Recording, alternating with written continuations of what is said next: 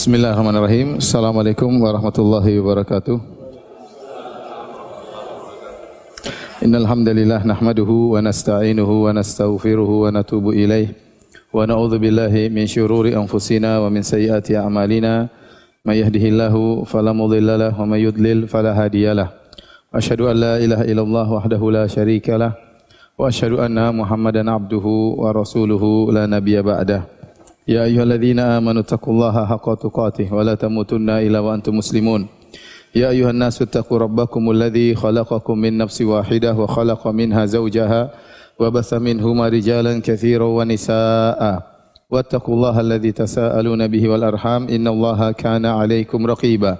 يا أيها الذين آمنوا اتقوا الله وقولوا قولا سديدا يصلح لكم أعمالكم ويغفر لكم ذنوبكم ومن يطع الله ورسوله فقد فاز فوزا عظيما أما بعد فإن أصدق الحديث كتاب الله وخير الهدى هدى محمد صلى الله عليه وسلم وشر الأمور محدثاتها وكل محدثة بدعة وكل بدعة ضلالة وكل ضلالة في النار Hadirin dan hadirat yang dirahmati oleh Allah Subhanahu wa taala. Alhamdulillah puji dan syukur senantiasa kita panjatkan kepada Allah Subhanahu wa taala yang memberikan kita karunia tiada henti-hentinya. Yang kata Allah Subhanahu wa taala wa in ta'uddu ni'matallahi la tuhsuha. Jika kalian menghitung-hitung nikmat Allah maka kalian tidak akan mampu menghitung-hitungnya. Innal insana la zalumun kafar. Akan tapi manusia sering berbuat zalim dan sering ingkar akan nikmat Allah Subhanahu wa taala. Tidaklah kita hidup kecuali berpindah dari satu kenikmatan menuju kepada kenikmatan yang lain. Semoga Allah Subhanahu wa taala menjadikan kita hamba-hamba yang pandai bersyukur kepada Allah Subhanahu wa taala. Salawat dan salam semoga tercurahkan selalu kepada junjungan kita, suri teladan kita, imam kita, pemberi syafaat kita Nabi Muhammad sallallahu alaihi wasallam dan juga kepada keluarganya serta seluruh sahabat beliau tanpa terkecuali. Pada kesempatan kali ini kita akan membahas topik dengan judul agar menjadikan kehidupan kita lebih afdal, lebih bermakna. Ya karena kehidupan kita sudah ditentukan ajalnya. Waktu terus berjalan, kita ya durasi kehidupan kita di atas muka bumi ini semakin berkurang. Ya. Setiap hari bertambah berarti semakin umur kita berkurang. Sebagaimana perkataan salah seorang salaf yaitu Hasan Al-Basri, "Ya Ibnu Adam, innama anta ayyam." Wahai anak Adam, sungguhnya engkau adalah kumpulan hari-hari. Fa idza dhahaba ba'dhuha Zahaba ba'dhuk. Kalau sudah pergi sebagian hari-hari, berarti sebagian dirimu telah pergi pula, telah sirna pula. Wa idza dhahaba ba'dhuka yushiku an yadhhab kulluk. Kalau sebagian darimu telah pergi, maka dikhawatirkan sebentar lagi akan hilang seluruhmu. Semakin bertambah hari, semakin bertambah bulan, semakin bertambah tahun, berarti kehidupan kita semakin tinggal sedikit.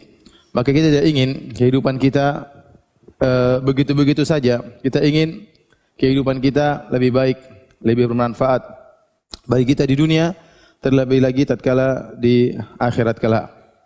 Ya sebagian orang semangat dia bangun dari tidurnya di pagi hari karena dia ingin menjalani kehidupan yang menurut dia sangat menyenangkan, menurut dia sangat bermanfaat, maka dia semangat untuk bangun di pagi hari. Sebagian orang lagi ingin terus tidur, dia tidak ingin bangun. Karena dia ingin dia tahu bahwasanya di hadapan dia banyak permasalahan yang merepotkan dia, yang menyusahkan dia, yang buat dia gelisah, ya seakan-akan hidupnya kurang bermanfaat. Oleh karena seorang ya berusaha untuk menjadikan hidupnya lebih afdal ya, lebih baik ya, lebih sesuai dengan keridhaan Allah Subhanahu wa taala. Maka pada kesempatan kali ini saya akan menyampaikan beberapa poin, poin-poin sederhana yang mudah-mudahan bisa membantu kita untuk meraih kehidupan yang lebih baik di dunia maupun di akhirat agar kita bisa lebih bahagia di dunia demikian juga bahagia di akhirat. Karena seorang mukmin betapapun ujian yang Allah berikan kepadanya, dia pasti ada kebahagiaan yang Allah berikan kepadanya. Makanya Ibnu Taimiyah rahimahullah pernah berkata, "Inna fid dunya jannatan man lam yadkhulha lam yadkhul jannatal akhirah." Di dunia itu ada surga. Barang siapa yang tidak masuk dalam surga dunia, dia tidak akan masuk dalam surga akhirat. Artinya orang beriman itu pasti ada kebahagiaan yang Allah berikan kepada dia. Kalau dia tidak bahagia di dunia berarti dia ini berarti dia tidak akan berarti dia bukan orang beriman. Berarti dia bukan orang beriman. Kalau dia bukan orang beriman berarti dia tidak akan masuk surga di akhirat kelak. Makanya betapapun kondisi seorang mukmin, apakah dia miskin, apakah dia kaya, apakah dalam kondisi sehat, apakah dalam kondisi sakit ya, diuji wa nabluukum bisyarri wal khairi, kami menguji kalian dengan kesulitan dengan kebaikan, ada kebahagiaan yang dia uh, rasakan ya. Maka pembahasan kita kali ini agar kita bisa lebih bahagia, lebih tenteram, lebih bermanfaat di dunia maupun di di akhirat. Agar jangan kehidupan kita begini-begini terus ya. Kita ingin ada uh, perubahan. Tapi ada beberapa poin sederhana tapi saya sangat berharap bisa kita amalkan bersama-sama. Ini nasihat buat saya pribadi tentunya. Terus kepada ikhwan-ikhwan sekalian juga. Yang pertama agar kehidupan kita lebih bermanfaat, lebih bahagia, lebih tenang, latih diri kita untuk banyak senyum. Latih diri kita untuk banyak senyum ya. Jangan semakin panjang jenggot semakin sangar, tapi semakin panjang jenggot semakin manis ya.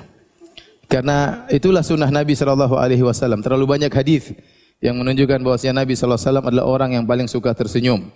Contohnya dari Jarir bin Abdullah Al-Bajali radhiyallahu anhu, beliau berkata, "Ma ra'ani Rasulullah sallallahu alaihi wasallam mundu aslamtu illa tabassama fi wajhi." Tidaklah Rasulullah SAW melihatku sejak aku masuk Islam, kalau saya ketemu Nabi pasti pas pas, pas, pas begitu pas-pasan dengan papasan dengan wajah Nabi, pasti Nabi tersenyum di hadapan wajahku. Hadis riwayat Al-Imam Al-Bukhari. Menunjukkan Nabi selalu tersenyum karena ketemu pasti tersenyum. Setiap ketemu pasti tersenyum. Bukan tersenyum nggak ada orang enggak ya? Senyum-senyum jalan nggak ada orang ya. Ini ada sesuatu. Enggak. Setiap ketemu Nabi, Nabi apa? Senyum. Berarti Nabi orangnya murah, murah senyum. Ya. Demikian juga dari Jabir bin Samurah radhiyallahu anhu tatkala menyebutkan tentang sifat Nabi sallallahu alaihi wasallam kata beliau kana la yathak illa tabassuma. Rasulullah sallam itu ya seringnya ter, tersenyum ya bukan tertawa terbahak-bahak enggak. Beliau seringnya apa? Tersenyum. Demikian Abdullah bin Harith ya uh, radhiyallahu anhu dia berkata, "Ma raaitu ahadan aktsara tabassuman min Rasulillah sallallahu alaihi wasallam." Aku tidak pernah melihat seorang yang lebih banyak senyumnya dari Nabi sallallahu alaihi wasallam. An Simak bin Harb rahimahullah taala, beliau berkata, "Qultu li Jabir bin Samurah." Aku berkata kepada Jabir bin Samurah, "Akunta tujalisu Rasulullah sallallahu alaihi wasallam, apakah engkau dulu anda dulu duduk-duduk bersama Nabi? Sahabat ditanya. Kata sahabat ini, "Na'am katsiran." Iya, saya banyak duduk sama Nabi sallallahu alaihi wasallam. Kana la yakumu min musallahu alladhi yusalli fihi subha hatta tatul asyams. Kebiasaan Nabi kalau sudah selesai salat subuh, beliau tidak berdiri di tempat salatnya sampai terbit matahari. Fa idza tala'at qam. Kalau matahari sudah terbit, baru kemudian beliau berdiri meninggalkan tempat salatnya. Wa kanu yatahaddatsuna fayakhuduna fi amril jahiliyah fayathakun wa yatabassam. Dan para sahabat juga di masjid, tapi mereka ngobrol-ngobrol tentang perkara-perkara jahiliyah, mereka tertawa-tertawa ya karena ingat tentang masa lalu mereka yang menggelikan, yang lucu tentang kesyirikan dan yang lainnya. Dan Nabi SAW lewat, Nabi tidak tegur, Nabi ter, tersenyum melihat melihat mereka. Uh, dan Selain Nabi SAW orang yang suka tersenyum, Nabi SAW juga menganjurkan untuk banyak senyum. Contohnya Nabi SAW bersabda, Tabassumuka fi wajhi akhika sadaqah. Ya. Senyummu di hadapan saudaramu adalah sedekah. Nabi SAW bersabda juga, La tahkiranna minal ma'rufi syai'an walau an talqa akhaka biwajhin talik. Janganlah engkau meremehkan kebaikan sedikit pun meskipun hanya tersenyum, wajah berseri-seri tatkala bertemu dengan saudaramu. Ya ini semua dalil tentang keutamaan kita senyum dan sering tersenyum ya. Karena orang yang sering tersenyum ya banyak faedah yang dia dapatkan. Dengan senyuman tersebut dia bisa melupakan banyak ya kegelisahan dalam hatinya. Kalau dia terlatih terbiasa untuk tersenyum, maka mau tidak mau kegelisahan dalam hatinya tersebut akan pergi. Ya. Kalau orang sudah susah senyum nanti ada masalah dalam hatinya. Tapi kalau dia terpaksa biasa dirinya untuk selalu tersenyum, maka kegelisahan, kejengkelan, dendam itu mudah hilang dari dari hatinya. Makanya senyum itu punya manfaat bagi diri pribadi dia dan juga bagi bagi orang lain ya. Disenangi oleh orang banyak, orang ramah, murah, murah senyum. Makanya dalam hadis kata Nabi wasallam, "Innakum lan tas'un nasa bi amwalikum." Falyasahum minkum bastul waji wa husnul khuluq. Sungguhnya kalian tidak bisa uh, memberikan kepada manusia seluruhnya dengan harta kalian. Tetapi kalian bisa meliputi mereka dengan bastul wajah dengan senyuman dan akhlak yang yang mulia. Nah, kalau kita punya duit membagi-bagi, duit habis. Tapi kalau bagi senyum kan gratisan. Tinggal senyum sana, senyum sini, senyum sana, senyum sini. Gratis, nggak perlu duit. Kalau kita mau mengambil hati manusia dengan duit susah karena duit kita terbatas. Kita bisa mengambil hati mereka dengan murah, murah senyum. Murah senyum. Dan itu menunjukkan tawaduknya seseorang. Kenapa seorang susah senyum? Pasti ada sesuatu di hatinya. Entah dia lagi ngomel, entah dia lagi jengkel, entah dia sombong. Ya, entah dia sombong. Betapa susah bos senyum kepada supirnya. Betapa susah bos senyum sama pembantunya. Betapa susah bos senyum sama anak buahnya. Kenapa? Dia anggap anak buahnya rendahan. Maka dia tidak mau senyum sama orang-orang rendahan. Dia hanya senyum sama koleganya. Sama teman partner kerjanya. Sama kawan yang selevel dengan dia. Kapan dia mau senyum sama yang di bawah? Dia merasa tidak perlu. Ya. Tapi lihatlah Rasulullah SAW senyum kepada kepada siapa saja. Ya, karena Rasulullah SAW memiliki hati yang lapang, hati yang tawadhu. Sehingga orang kalau murah senyum kepada siapa saja ini orang ini biasanya akhlaknya mulia. Ya, biasanya akhlaknya mulia. Tapi kalau hanya senyum sama orang kaya, biasanya orang nggak beres. Semua orang kaya saja bersenyum. Orang miskin nggak senyum ya.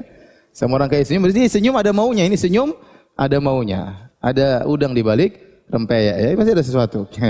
ya. Jadi bapak-bapak, ibu-ibu latih diri untuk biasa senyum. Ketemu kawan senyum ya. Ya. Bukan cuma antum, ustaz pun harus demikian. Latih diri untuk apa? Senyum ya. Latih diri untuk apa? senyum. Ya, kapan kita kurang senyum berarti ada sesuatu dalam hati kita. Saya katakan, kapan kita ini kurang senyum berarti ada sesuatu di hati kita. Entah kita ada masalah dalam hati kita sehingga berat bagi kita untuk senyum, ya. Atau tadi ada kesombongan dalam hati kita sehingga kita berat untuk senyum. Padahal senyum itu nggak bayar, cuma gratis, dapat pahala. Apa usahanya kita senyum sama sama orang? Orang tersebut mudah untuk kita ambil hatinya. Makanya para sahabat gara-gara disenyumi oleh Nabi, terambil tertawan hati mereka oleh Nabi sallallahu alaihi wasallam. Tadi kata Jarir bin Abdullah, ya, "Ma ra'ani Nabi sallallahu alaihi wasallam mundu aslamtu illa tabassama ala wajhi." Tidaklah aku bertemu dengan Nabi, dengan Nabi sallallahu alaihi wasallam sejak aku masih Islam kecuali Nabi tersenyum. Maka hatinya tertawan kepada Nabi sallallahu alaihi wasallam. Kalau kita murah senyum, ya, kepada siapa saja, maka ya artinya orang orang-orang akan baik dengan kita, kita pun baik sama mereka. Jadi ini membuat kita hidup lebih bahagia. Tapi kalau wajah seorang selalu semerawut, lalu selalu sangar, karena sebagian orang menyangka dengan wajah sangarnya dia lebih berwibawa ya. Dia lebih gagah ya. Dia lebih berkelas, jaga image, enggak enggak apa? enggak murah senyum. Itu benar, memang dia lebih berwibawa, orang lebih takut sama dia. Tapi bukan itu yang diinginkan oleh Islam. Bukan itu yang diinginkan oleh Islam. Nabi SAW, siapa yang mengalahkan wibawa Nabi SAW? Tapi orangnya murah, murah senyum. Ya. Orangnya murah, murah senyum ya. Jadi biasakan diri untuk uh, apa namanya? murah untuk senyum ya. Jangan pelit-pelit untuk apa? senyum.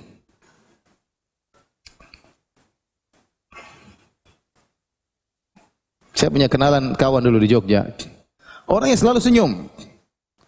Kalau ketemu orang, semua orang suka sama dia. Ketemu orang dia pegang tangannya, dia pijit-pijit tangannya. Semua orang digitukan sama dia. Saya pikir saya jadi gituin ternyata sama orang. Semua orang senang sama dia. Kenapa? Karena orang yang tadi murah senyum. Tawadhu. Karena orang murah senyum biasanya tawadhu. Kenapa orang malah senyum? Karena ada kesombongan. Biasanya begitu. Kok enggak mau senyum? Ya, karena dia mungkin enggak nganggap kita sehingga tidak senyum sama kita. Kalau kita senyum sama orang berarti kan kita nganggap dia, kita hargai dia. Maka kita senyum. Jadi saya katakan tadi, bos susah senyum sama anak buahnya. Ya. Susah. Kenapa? Karena anak buahnya enggak dianggap. Ngapain dia senyum-senyum sama anak buahnya? Makanya kalau ada orang murah senyum, berarti biasanya orang tersebut apa? Tawadhu. Ya. Dia tahu bahwasanya orang depan dia harus dihargai. Orang depan dia juga seorang muslim yang juga sholat, yang juga beribadah, yang mungkin lebih baik daripada dirinya. Ya, kenapa dia harus sombong di hadapan orang ini? Udah, kita murah senyum. Kalau kita murah senyum maka banyak masalah di hati kita akan hilang. Ya, karena kita paksa lawan masalah kehidupan kita dengan apa? Tetap tersenyum. Ya, itu akan mengaruhi hati kita dalam menghadapi problematika kehidupan kita. Taib. Perkara berikutnya agar menjadikan kehidupan kita lebih bermakna ya. Berusaha mencari teman-teman yang baik. Tidak benar kita cari teman sebanyak-banyaknya enggak, ya. Rasulullah SAW mengisyaratkan kita untuk milih-milih teman, ya. Almaru ala dini khalilihi, falyanzur ahadukum man yukhalil. Seorang berdasarkan agama kawan dekatnya maka hendaknya salah seorang melihat siapa yang menjadi kawan kawan dekatnya ya. Jadi tidak kita berjalan tidak kepada siapa saja. Kita tidak membuka pertemanan kepada siapa saja ya. Tatkala teman banyak kita repot sendiri ya. Terlalu banyak teman kita repot sendiri dan itu akan bukan menambah kebahagiaan, menghilangkan kebahagiaan. Benar ada kelezatan tersendiri tatkala bertemu dengan teman-teman. Nabi namun kalau terlalu banyak akhirnya kita repot, repot sendiri ya. Undangan terus ke sana sini. terus gimana memenuhinya ya. Kalau nggak temu nggak enak, kan nggak enakan sama sana, nggak enakan sama sini, nggak enak, repot sendiri. Ya. Maka Nabi menyuruh kita untuk milih teman. Tidak semua menjadi kawan dekat, teman jalan kita, teman gaul kita. Kita harus milih yang yang baik. Karena sebagaimana sering saya sampaikan pepatah Arab, as-sahibu sahib, bahwasanya sahabat itu akan menarik ya. Kita kalau berkawan pasti terjadi proses sinkronisasi. Entah kita akan seperti dia atau dia seperti seperti kita. Maka kita cari teman yang bermanfaat. Teman yang bermanfaat bagi agama kita dan juga bagi dunia kita ya. Maka hindari teman-teman yang yang buruk. Dari teman-teman yang buruk. Tidak ada dalil yang paling bagus dalam masalah teman yang dekat seperti dalil yang disebut oleh Ibnu Katsir rahimahullahu taala tentang Ashabul Kahfi. Ashabul Kahfi mereka orang-orang yang soleh. Kemudian mereka waktu pergi ke Goa Al-Kahf, mereka bawa anjing. Anjing tersebut ternyata disebut-sebut dalam Al-Qur'an juga. Ikut nimbrung dapat apa? Karomah. Ya. Sampai Allah sebutkan anjing beberapa kali dalam Al-Quran. Gara-gara bukan anjingnya, gara-gara apa? Ashabul kahfi tersebut ya.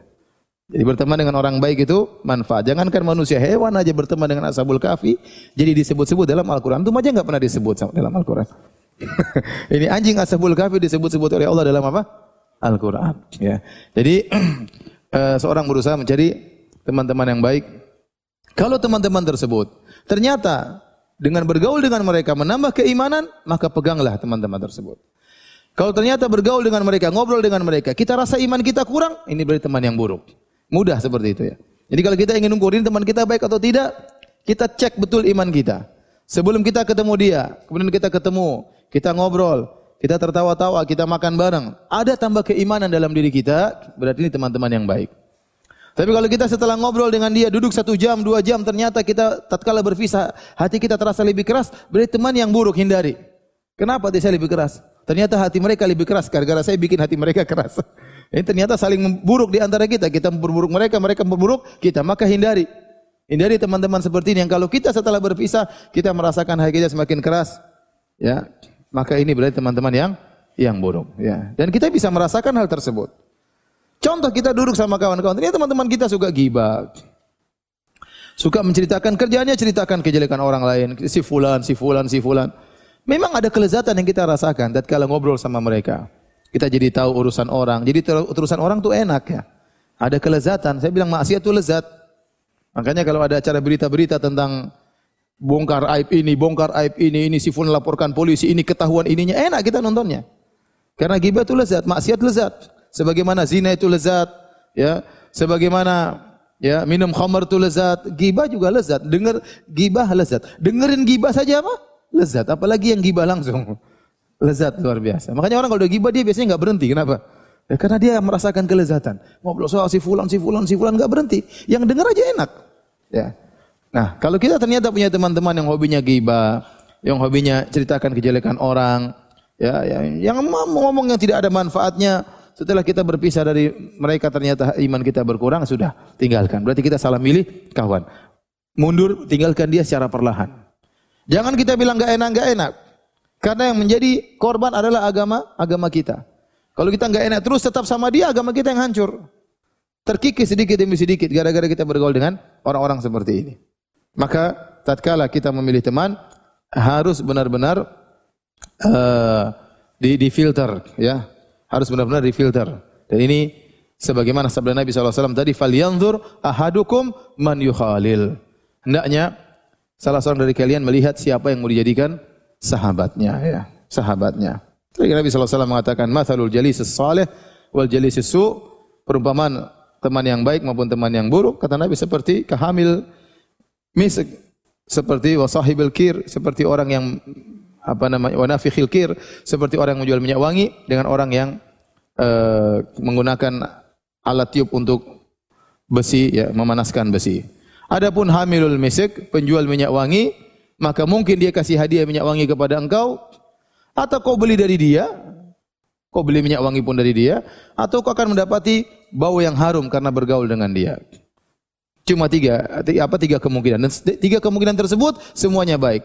Mungkin dia kasih hadiah kepada engkau minyak wangi. Kemungkinan yang baik. Atau kau beli dari dia minyak wangi. Pun yang kau beli minyak wangi. Yang ketiga paling tidak kau ikut eh, kecipratan bau harumnya. Ikut mendapatkan bau bau wangi dari penjual minyak wangi ini. Adapun kalau sahabat yang buruk seperti Nafikhil Kir, seperti pandai besi. Ya, kalau enggak dia meniup api sehingga api tersebut membakar pakaianmu, au anta jida minhu rihan khabitha. Atau kau akan mendapati darinya bau yang yang buruk. Bau yang yang buruk. Pasti kecipratan. Tidak mungkin enggak cipratan. Ini maksudnya Nabi mengatakan pasti kamu kecipratan, pasti terkon, terkontaminasi, pasti. Pasti ter, terjadi proses sinkronisasi, pasti enggak mungkin enggak. Ya, enggak mungkin enggak. Maka benar kita punya kawan banyak tapi hanya sekedar kenal. Beda kawan yang kita jadikan teman jalan, teman ngobrol, mungkin teman curhat, tukar pikiran. Nah, itu tidak boleh sembarang kita berteman ya. Tidak boleh sembarang kita berteman, harus milih-milih. Ini saya sampaikan kepada bapak maupun ibu-ibu. Ibu pun demikian. Tidak semua dijadikan kawan kawan dekat. Tidak semua dijadikan teman teman ngobrol. Ya. ya kita harus memilih-milih, kita harus selektif. Kalau ternyata sebagian ibu-ibu ternyata setiap ketemu pasti ngomongin orang, tinggalkan. Bapak tolong mas, tolong maju, tolong maju, tolong masuk, biar yang di luar bisa masuk. Apa merapat, merapat maksudnya? Tolong merapat. Silakan yang di luar masuk.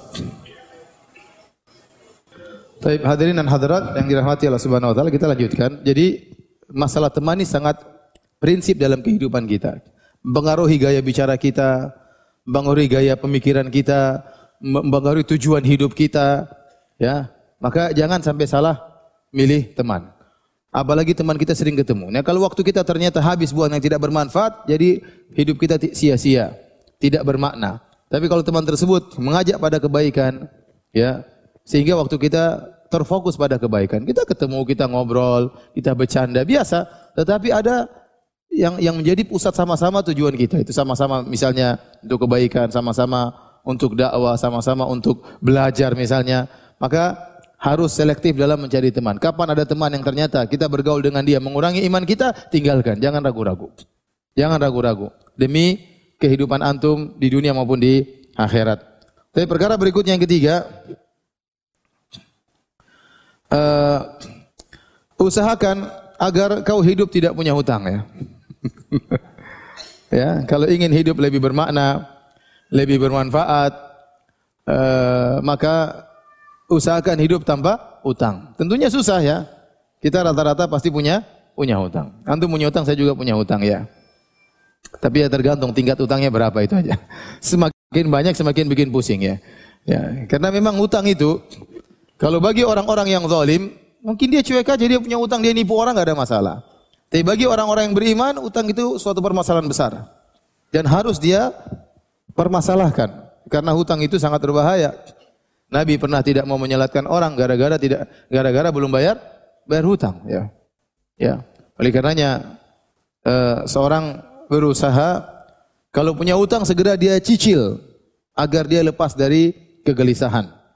Dalam Sahih Al-Bukhari dari Aisyah radhiyallahu taala anha anna Rasulullah sallallahu alaihi wasallam kana yad'u fi salat. Bahwasanya Rasulullah SAW berdoa dalam salatnya. Allahumma inni a'udzubika min adzabil qabr. Wa a'udzubika min fitnatil masih dajjal. Ya Allah, aku berlindung kepada Engkau dari adab kuburan. Aku berlindung kepada Engkau dari fitnah masih dajjal. Wa a'udzubika min fitnatil mahya wa fitnatil mamat. Aku berlindung kepada Engkau dari fitnah kehidupan dan fitnah kematian. Allahumma inni a'udzubika minal ma'tham wal maghram. Ya Allah, aku berlindung kepada Engkau dari dosa-dosa dan dari hutang. Faqala lahu qail, ada yang bertanya kepada Nabi SAW, Ma aktsara ma tasta'idhu minal maghram. Ya Rasulullah, kenapa sering kali engkau berdoa berlindung daripada utang? Jangan sampai berhutang. Faqala, maka Nabi menjelaskan, Inna rajula idza gharim haddatha fakadzaba. Sungguhnya seorang kalau sudah berhutang, maka dia berbicara dan dia maka dia berdosa. Wa wa'ada fa akhlafa. Dia berjanji akhirnya dia menyelisihi. Ya. Dan ini dalil bahwasanya utang itu bisa mengantarkan orang kepada kebinasaan. Utang itu akhirnya mengantarkan orang kepada dosa-dosa besar. Idza gharim haddatsa fakadzaba. Kalau dia sudah berutang, akhirnya dia ngomong dan dia dusta. Supaya apa? Supaya bisa tidak bayar utang. Wa ada fa akhlafa, dia janji ternyata dia menyelisihi. Minggu depan saya bayar utang, ternyata enggak bayar. Saya lagi enggak ada uang, padahal ada uang.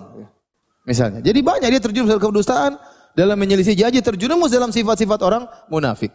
Idza haddatsa kadzaba wa idza wa'ada akhlafa wa idza tumina khan. Terkumpul pada orang yang berutang. Kalau berbicara dia dusta, ya. Kalau dia berjanji dia menyelisihi, kalau dikasih amanah dia tidak amanah, ya. Orang yang hutang, ya, kalau dia ya, ingin lari dari hutangnya, akhirnya terjerumus dalam dosa-dosa, dosa-dosa besar tersebut. Akhirnya seorang berbanyak untuk berdoa kepada Allah Subhanahu wa taala agar terhindar dari hutang. Kalau dia punya hutang agar segera lunas hutangnya. Maka ini saya peringatkan kepada bapak dan ibu-ibu ya. Kebutuhan kita banyak, namun harus kita prioritaskan mana yang lebih utama. Jangan kita terlalu berangan-angan, bermimpi-mimpi, ingin sesuatu yang mewah, sementara kemampuan kita tidak ada. Akhirnya kita hutang. Kalau kita sudah hutang, ya kita jadi hidup gelisah. Kalau kita beriman, ada orang tidak beriman, dia cuek saja.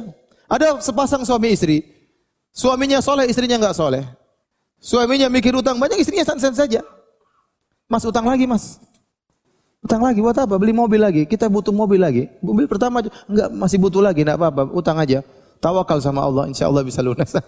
yang gelisah suaminya. Karena yang ditagih suaminya. kalau orang soleh, wanita soleh pasti pusing mikir utang. Bagaimana kalau dia meninggal dia punya hutang? Nabi saja tidak menyolatkan orang yang punya hutang. Maka seorang supaya dia bisa hidup tentram berusaha untuk apa? Tidak punya hutang. Kalau punya hutang segera dia lunasi. Dan penyakit orang kalau sudah punya hutang, dia akhirnya nunda-nunda pembayaran. Dia sebenarnya mampu bayar, dia tidak bayar. Dan ini berbahaya seperti ini. Dan Nabi mengatakan, Matolul ghani zulmun. Orang-orang yang mampu untuk bayar hutang, kemudian dia tunda-tunda, dia berbuat zalim.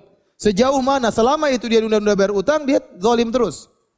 Kalau sudah jatuh tempo, dia harus bayar. Sementara syaitan datang, ingin dia punya uang ada ada uang di tangan dia gatal ingin beli-beli barang yang baru. Dia tidak bayar hutang. Ini hukumnya haram. Dan akhirnya apa? Dia tidak tahu balas budi. Ya akhir sekarang zaman sekarang ya. Siapa yang meminjamkan uang sama kita kecuali orang yang baik? Ya. Orang saja susah untuk cari pinjaman, akhirnya minjam di tempat-tempat riba dengan jaminan macam-macam dengan yang meminjamkan kita uang dengan uang segar dikasih begini ya. Siapa kecuali orang baik. Orang ini berarti dia husnudon sama kita. Dia perhatian sama kita. Dia baik sama kita. Dia mau ingin menghilangkan kesulitan kita. Terus setelah kita ambil kita nggak bayar-bayar. Apa kita nggak kurang ajar ya? Air itu dibalas dengan air tuba. Maka seorang kalau punya hutang, ya, jangan pikirkan beli macam-macam, bayar dulu hutang. Jangan sampai dia meninggal dalam kondisi dia punya punya hutang. Istrinya mau ngomel-ngomel biarin aja. Ya. ya. Mau minta beli ini beli anu jangan jangan turuti. Yang penting utang selesai, selesai dulu. Ini amanah. Ya, kita balas kebaikan dengan apa? Dengan kebaikan ya. ya. Taib, jadi berusaha hidup jangan di luar kemampuan. Jangan pingin, pingin rumah ternyata duit nggak punya, akhirnya beli rumah yang besar, hidup utang terus menerus. Ya. Pingin kelihatan mewah, beli mobil mahal, akhirnya hidup dibunuh dengan apa? Utang. Utang bukannya nggak boleh, Bu, boleh, tapi untuk yang perkara-perkara yang primer. Utang, karena memang kita benar-benar butuh motor, silakan utang, tidak apa-apa. Kita punya gaji, kita potong. Kalau perkara primer nggak ada masalah. Tapi kalau untuk tajmilat atau tahsinat, untuk sekedar lebih afdol dalam masalah dunia, akhirnya kita ngutang sana, ngutang sini, ya itu repot. Akhirnya kita repot sendiri. Ya. Kecuali antum adalah orang yang tidak bertakwa kepada Allah.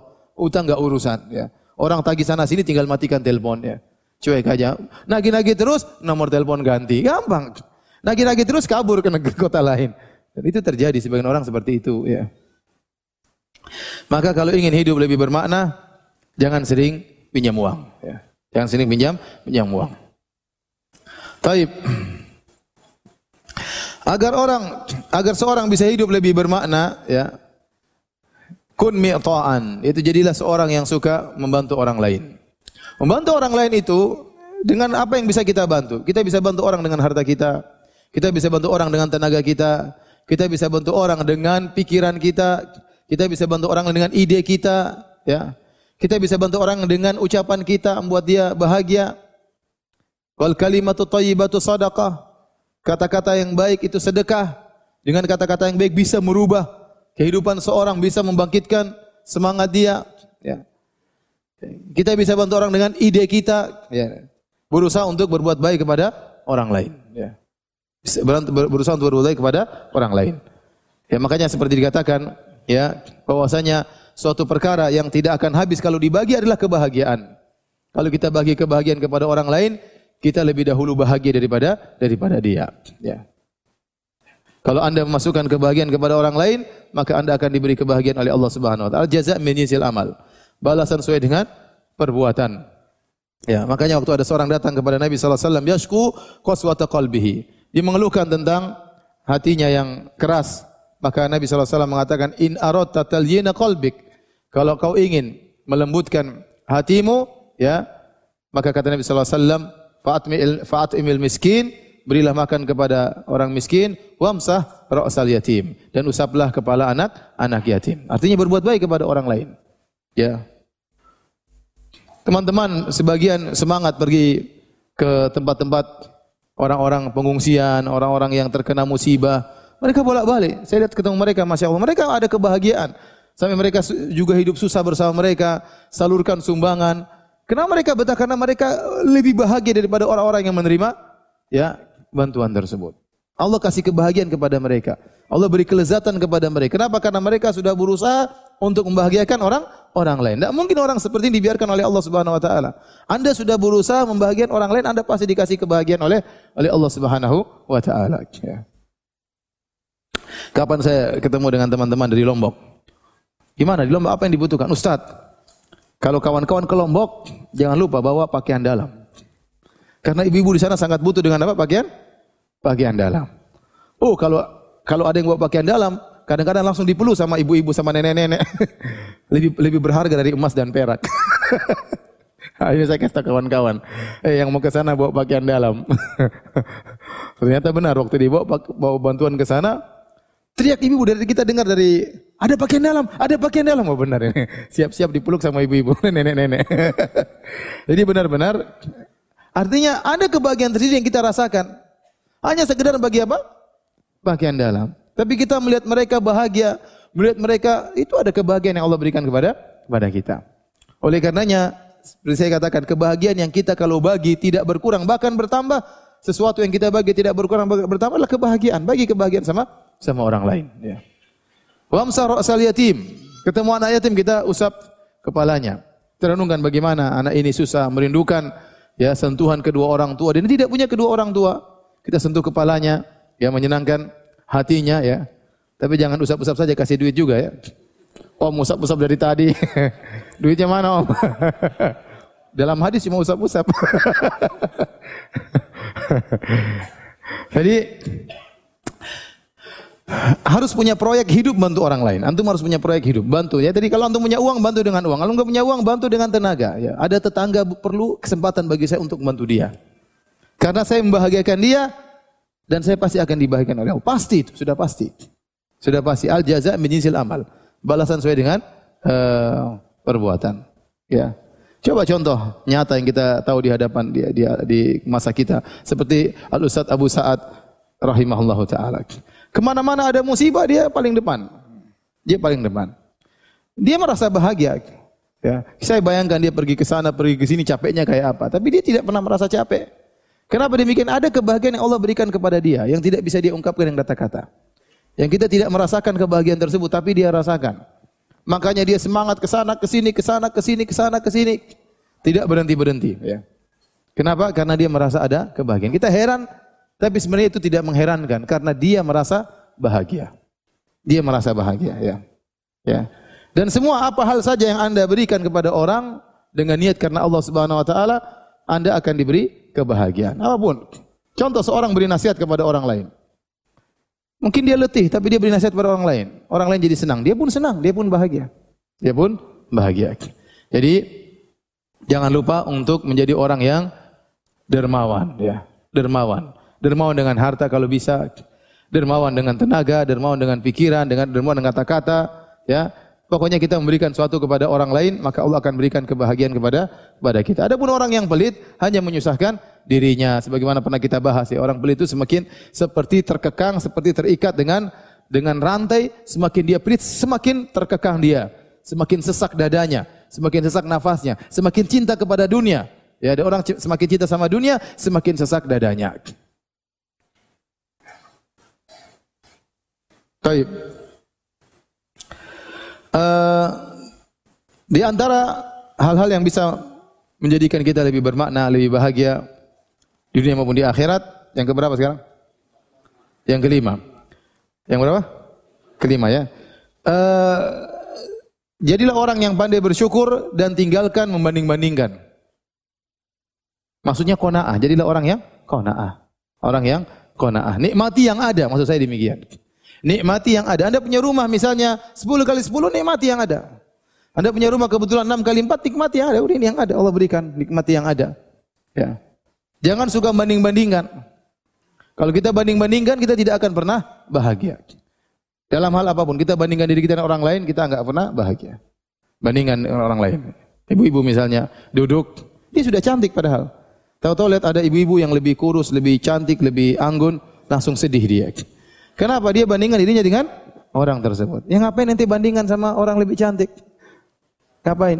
Bersyukur lihat ke bawah masih banyak yang lebih buruk daripada daripada antik. Jadi jangan banding-bandingkan sudah, bandingkan bikin sedih hati ya. Nikmati yang ada. Anda punya punya rumah seperti itu, Anda punya anak-anak begini, punya suami, nikmati yang ada sambil mengadakan perbaikan ya. Tapi enjoy dengan apa yang Anda miliki. Itu namanya dengan qanaah. Hidup gaya hidup tidak dibuat-buat.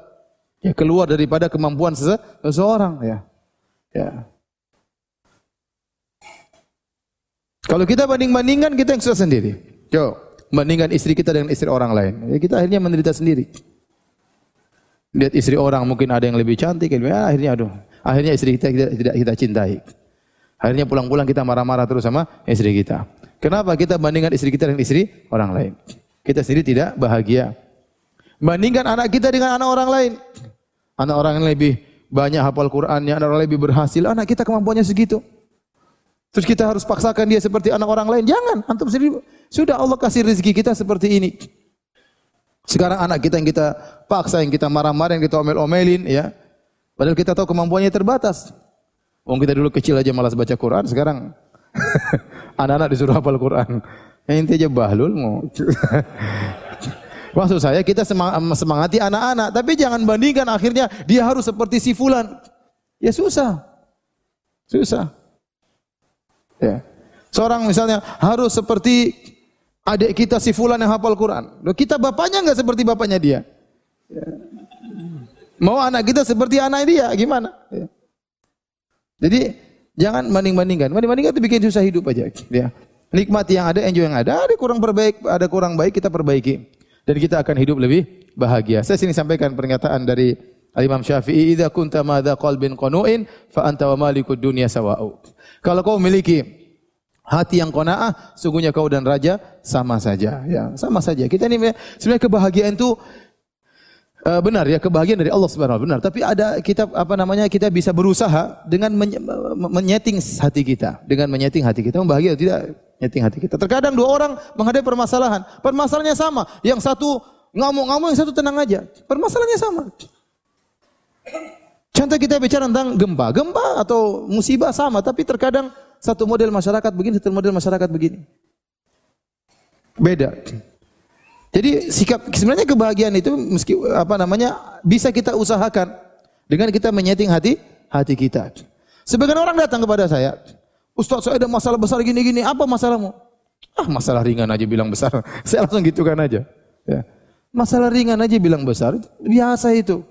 Biasa, kirain masalah apa? Kayaknya dunia mau kiamat, padahal enggak cuma begitu saja. Ya, berarti dia tidak terbiasa menghadapi permasalahan. Ya. Ya. Dia tidak biasa menghadapi uh, permasalahan.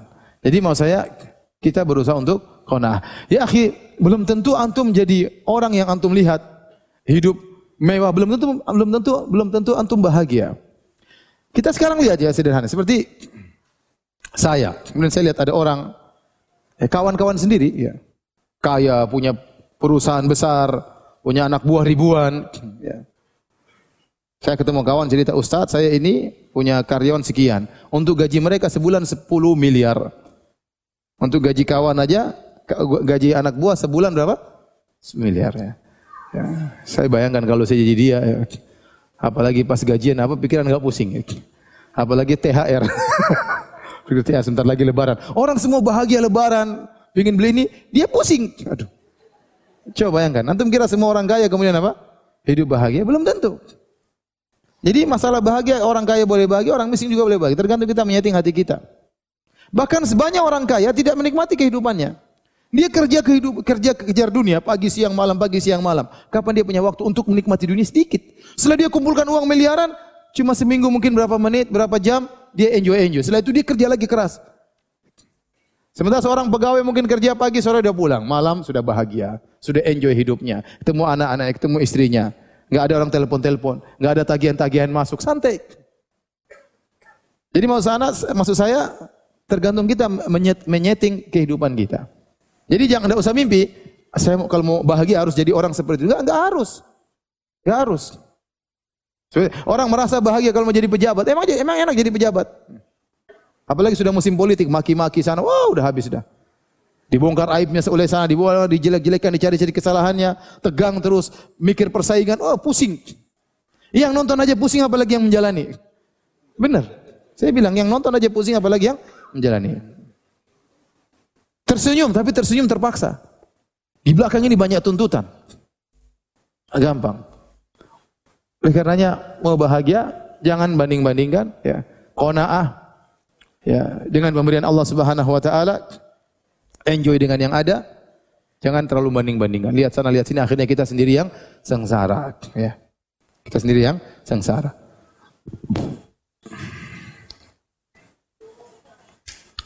Taib. Di antara hal yang bisa menjadikan hidup kita istimewa. Kuatkan hubungan kita dengan Allah Subhanahu wa taala. Ini harusnya yang pertama, ya. Ini harusnya yang pertama. Kuatkan hubungan kita dengan Allah Subhanahu wa taala. Biasakan kita berkhulwat bersama Allah Subhanahu wa taala. Ya. Makanya ada ibadah-ibadah yang disyariatkan di situ kita berkhulwat dengan Allah.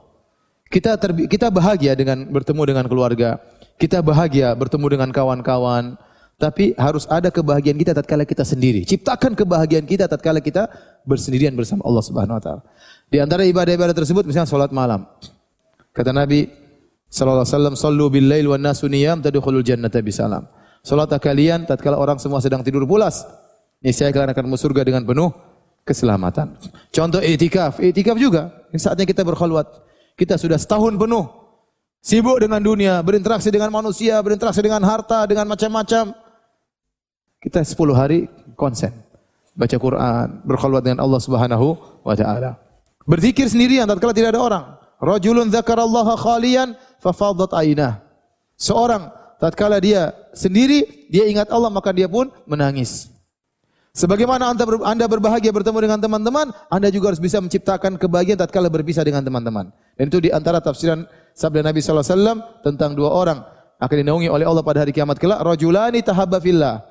Tatkala matahari jarak satu mil, ada tujuh golongan yang dinaungi di bawah naungan arsy Allah di antaranya Rajulani tahabba fillah, ijtama alaihi wa tafarraqa alaihi. Dua orang yang saling mencintai karena Allah. Mereka bertemu karena Allah. Ini semua orang paham. Bertemu karena pengajian, bertemu karena ingin memberi bantuan kepada pengungsi atau beri bantuan kepada orang kena korban bencana, ya, bertemu karena dakwah. Tinggal yang berikutnya, wa tafarraqa alaihi dan terpisah juga karena Allah. Apa maksudnya terpisah karena Allah? Ada beberapa tafsiran. Di antaranya anda terpaksa meninggalkan kawan karena Anda harus berkhulwat dengan Allah Subhanahu wa taala. Saatnya kita sendiri-sendiri beribadah. Kalau kita ngobrol terus kapan ente baca Quran? Kapan saya baca Quran? Kalau kita ngobrol terus kapan ente salat malam? Kapan saya salat malam? Kita ngobrol sama kawan-kawan di malam hari, kita ketawa-ketawa, kita senang. Saatnya kita bilang saya mau pulang. Kenapa? Kalau saya ngobrol terus saya tidak bisa bangun malam. Itu di antara tafsiran wa tafarraqa alaihi. Dia berpisah dari temannya karena Allah. Tatkala dia bertemu dengan temannya, dia bahagia. Tatkala dia berpisah juga dia baik karena dia harus konsen untuk bisa beribadah berdua-duaan dengan Allah Subhanahu wa taala. Nah, Anda harus menimbulkan kelezatan dalam hidup Anda seperti ini. Ada saatnya Anda berdua-duaan dengan Allah, tidak ada anak-anak, tidak ada orang tua, tidak ada istri, tidak ada kawan-kawan. Salat malamlah Anda baca Quran sendirian, di pojokan sana baca Quran, berzikir kepada Allah, ingat keagungan Allah, ingat dosa-dosa, ya. Saatnya kita etikaf, ya. Ada saatnya kita seperti itu. Ya. Nah, kalau Anda bisa menciptakan ini, Anda akan bahagia. Anda akan bahagia di dunia apalagi di akhirat. Makanya Ibnu Rajab Al-Hambali mengatakan, seorang harus berusaha menciptakan hal ini. Kenapa? Karena waktu dia bersendirian itu lebih banyak di alam barzah daripada waktu dia masih hidup.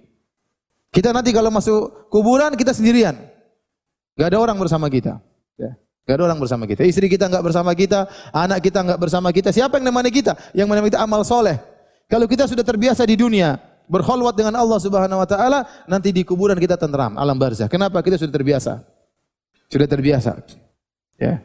Karena kalau Anda meninggal nggak ada yang temani Anda. Ya, bohong itu mengatakan kita hidup sehidup semati. Tidak ada. Waktunya kita mati, istri kita nggak mau ikut mati. Ya. Kita mati, istri kita mungkin berapa masa idah selesai, mungkin dia kawin lagi. Mungkin. Ya. Sama kalau perempuan yang meninggal, suaminya nggak mau dikuburkan bareng-bareng. Ya, begitu suaminya meninggal, istrinya meninggal, langsung dia kawin besoknya. Jangankan meninggal, sebelum meninggal sudah pikir mau kawin lagi.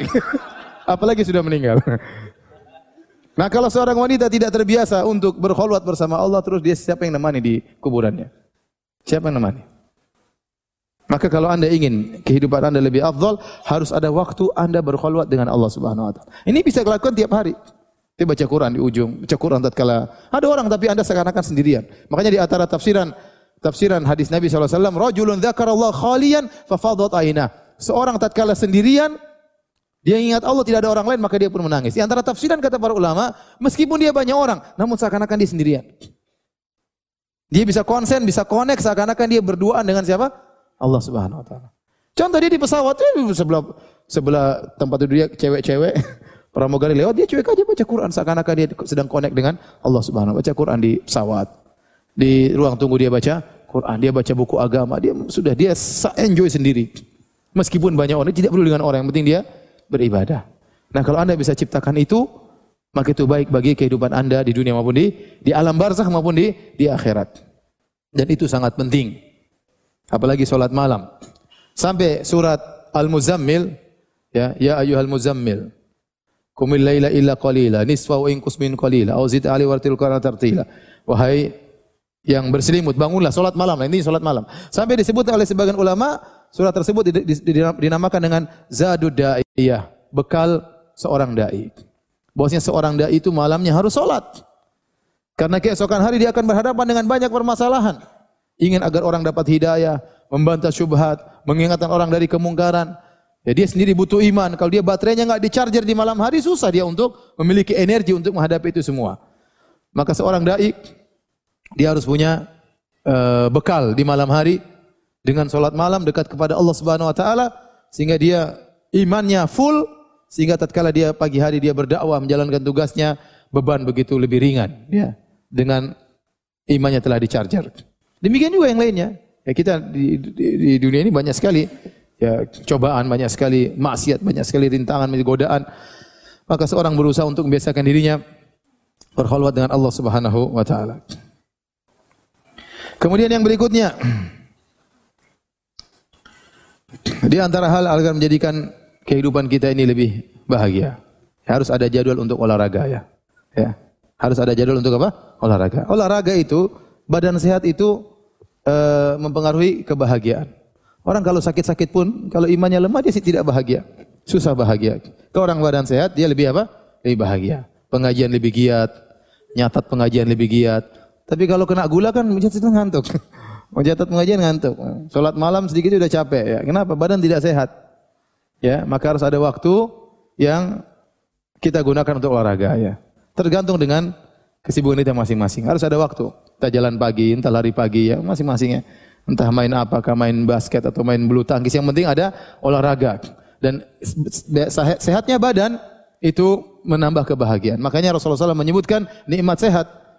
Kata Nabi SAW, Man asbaha aminan fi sirbihi mu'afan fi jasadihi walahu qutu yaumihi ya fa ka'anna mahizat lahu dunya kata Nabi SAW barang siapa yang pagi hari aman di rumahnya sehat badannya dan dia punya makanan maka dia akan seakan-akan dunia telah didatangkan badannya baginya. Maka jangan lupa di tengah kesibukan kita sisihkan waktu untuk apa? Untuk olahraga ya. Untuk olahraga ya. Ya, ya biar makan kita bisa stabil ya.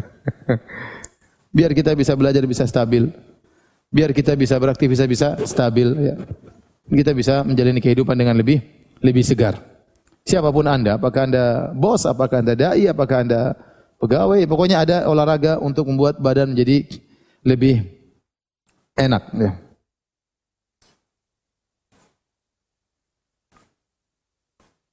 Taib. Di antara hal yang buat kita lebih bahagia, ya. Yaitu memiliki sifat al-khafi. Al-khafi artinya orang yang tidak ingin tampil, tidak ingin dikenal oleh orang banyak, ya al-khafi ya. Kata Nabi sallallahu alaihi wasallam, "Innallaha yuhibbul 'abdal ghaniyat taqiyal khafi." Sungguhnya Allah mencintai seorang hamba yang bertakwa, yang merasa cukup dan al-khafi, al-khafi itu orang yang sembunyi. Maksudnya sembunyi apa? Dia tidak ingin tidak ingin tampil. Dia ingin tampil ya. Sehingga dia urusannya yang penting kalau bisa tidak tidak tampil depan banyak orang itu lebih baik dia lakukan. Sehingga dia akhirnya tatkala dia memiliki sifat seperti itu, banyak waktu dia untuk bisa melakukan privasi dia. Sehingga dia punya waktu lebih untuk istrinya, dia punya waktu lebih untuk anak-anaknya, dia punya waktu lebih untuk ngaji, dia punya waktu lebih untuk belajar, ya. Dia punya waktu lebih untuk orang tuanya, untuk kerabatnya. Namun tatkala dia sering tampil jadi pusat perhatian, terlalu banyak teman, jadi akhirnya terlalu banyak koneksi, terlalu banyak relasi, relasi akhirnya dia kurang waktunya, akhirnya dia tidak bahagia. Terlalu banyak relasi, terlalu banyak koneksi, terlalu banyak hubungan sama orang, ini juga merepotkan kita. Ya, merepotkan kita. Makanya sering katakan, apakah enak jadi orang terkenal? Enggak enak. Enggak enak. Ada seorang ya, terkenal, ya, cerita asistennya, Ustadz si Fulan itu kalau pergi ke mall, dia punya waktu cuma sama istrinya 10 menit. Setelah itu pasti dikerubung orang. Baru masuk mall sebentar, mungkin belum sampai 10 menit sudah orang datang. Minta foto lah, minta inilah, minta anu lah, minta inilah dengan berbagai macam orang. Menyusahkan dirinya sendiri. Jalan ke mana-mana was-was karena akan dilihat orang. Saking sering terkenalnya, sering orang melihat dia, sehingga terkadang sendiri pun dia merasa dilihat oleh orang orang lain. Apa enak hidup seperti ini? Dulu Ibnu Mas'ud radhiyallahu taala anhu, kalau dia jalan orang-orang ikuti, dia berhenti. Kalian ada apa? Ada keperluan? Ada keperluan dia tangani. Kalau enggak ada insorifu, pergi. Jadi enggak senang jalan diikuti oleh banyak banyak orang. Kenapa kalau kita terlalu jadi pusat perhatian, akhirnya kita privasi kita terganggu. Makanya Nabi SAW melarang hal-hal yang menimbulkan syuhrah, menimbulkan ketenaran. Baju tidak boleh yang tampil beda. Mobil tidak boleh yang tampil beda. Motor tidak boleh yang tampil beda. Jadi pusat perhatian. Karena ini hubus syuhrah, ini penyakit. Ingin tampil beda, ingin jadi pusat perhatian. Itu tidak tidak disukai dalam syariat. Ya, kalau orang punya mobil, mobil sangat mewah. Ya. Pintu cuma dua. Ya, bahkan pintu cuma satu lagi. Satunya loncat mungkin. Bisa kebuka sendiri. Ya, kemudian orang lihat semua. Apalagi jalan di kampung, semua orang lihat. Ya. Orang lihat atau tidak? Lihat ya. Tidak usah mobil seperti itu. Mobil yang bisa kebuka ke atasnya saja. Ente di, di, kampung semua orang lihat atau tidak? Orang lihat. Kalau di kota orang bilang udik ya. Tapi kalau di kampung, oh, semua orang, ush, apa yang nanya sebenarnya? Terus untuk apa? Ya ada kelezatan di jadi pusat perhatian, tapi itu dalam Islam tidak disukai. Itu akan mengurangi kebahagiaan kebahagiaan kita. Karena kita akhirnya mulai mencari pujian manusia. Mulai hati kita yang tadinya untuk Allah kita sisihkan sebagiannya untuk manusia. Mulailah kita sibuk mencari komentar manusia. Mulailah privasi kita semakin berkurang. Mulailah waktu kita terhadap istri semakin berkurang. Maka agar antum bisa lebih berbahagia, jadilah hamba yang al-khafi yang tidak selalu suka tampil. Bikin pengajian pun tidak harus dia yang tampil. Jadi donatur tidak harus sebut namanya. Ya, kalau dai ya terpaksa maju depan. Ya. Kalau saya tidak tampil terus gimana? Siapa yang ceramah?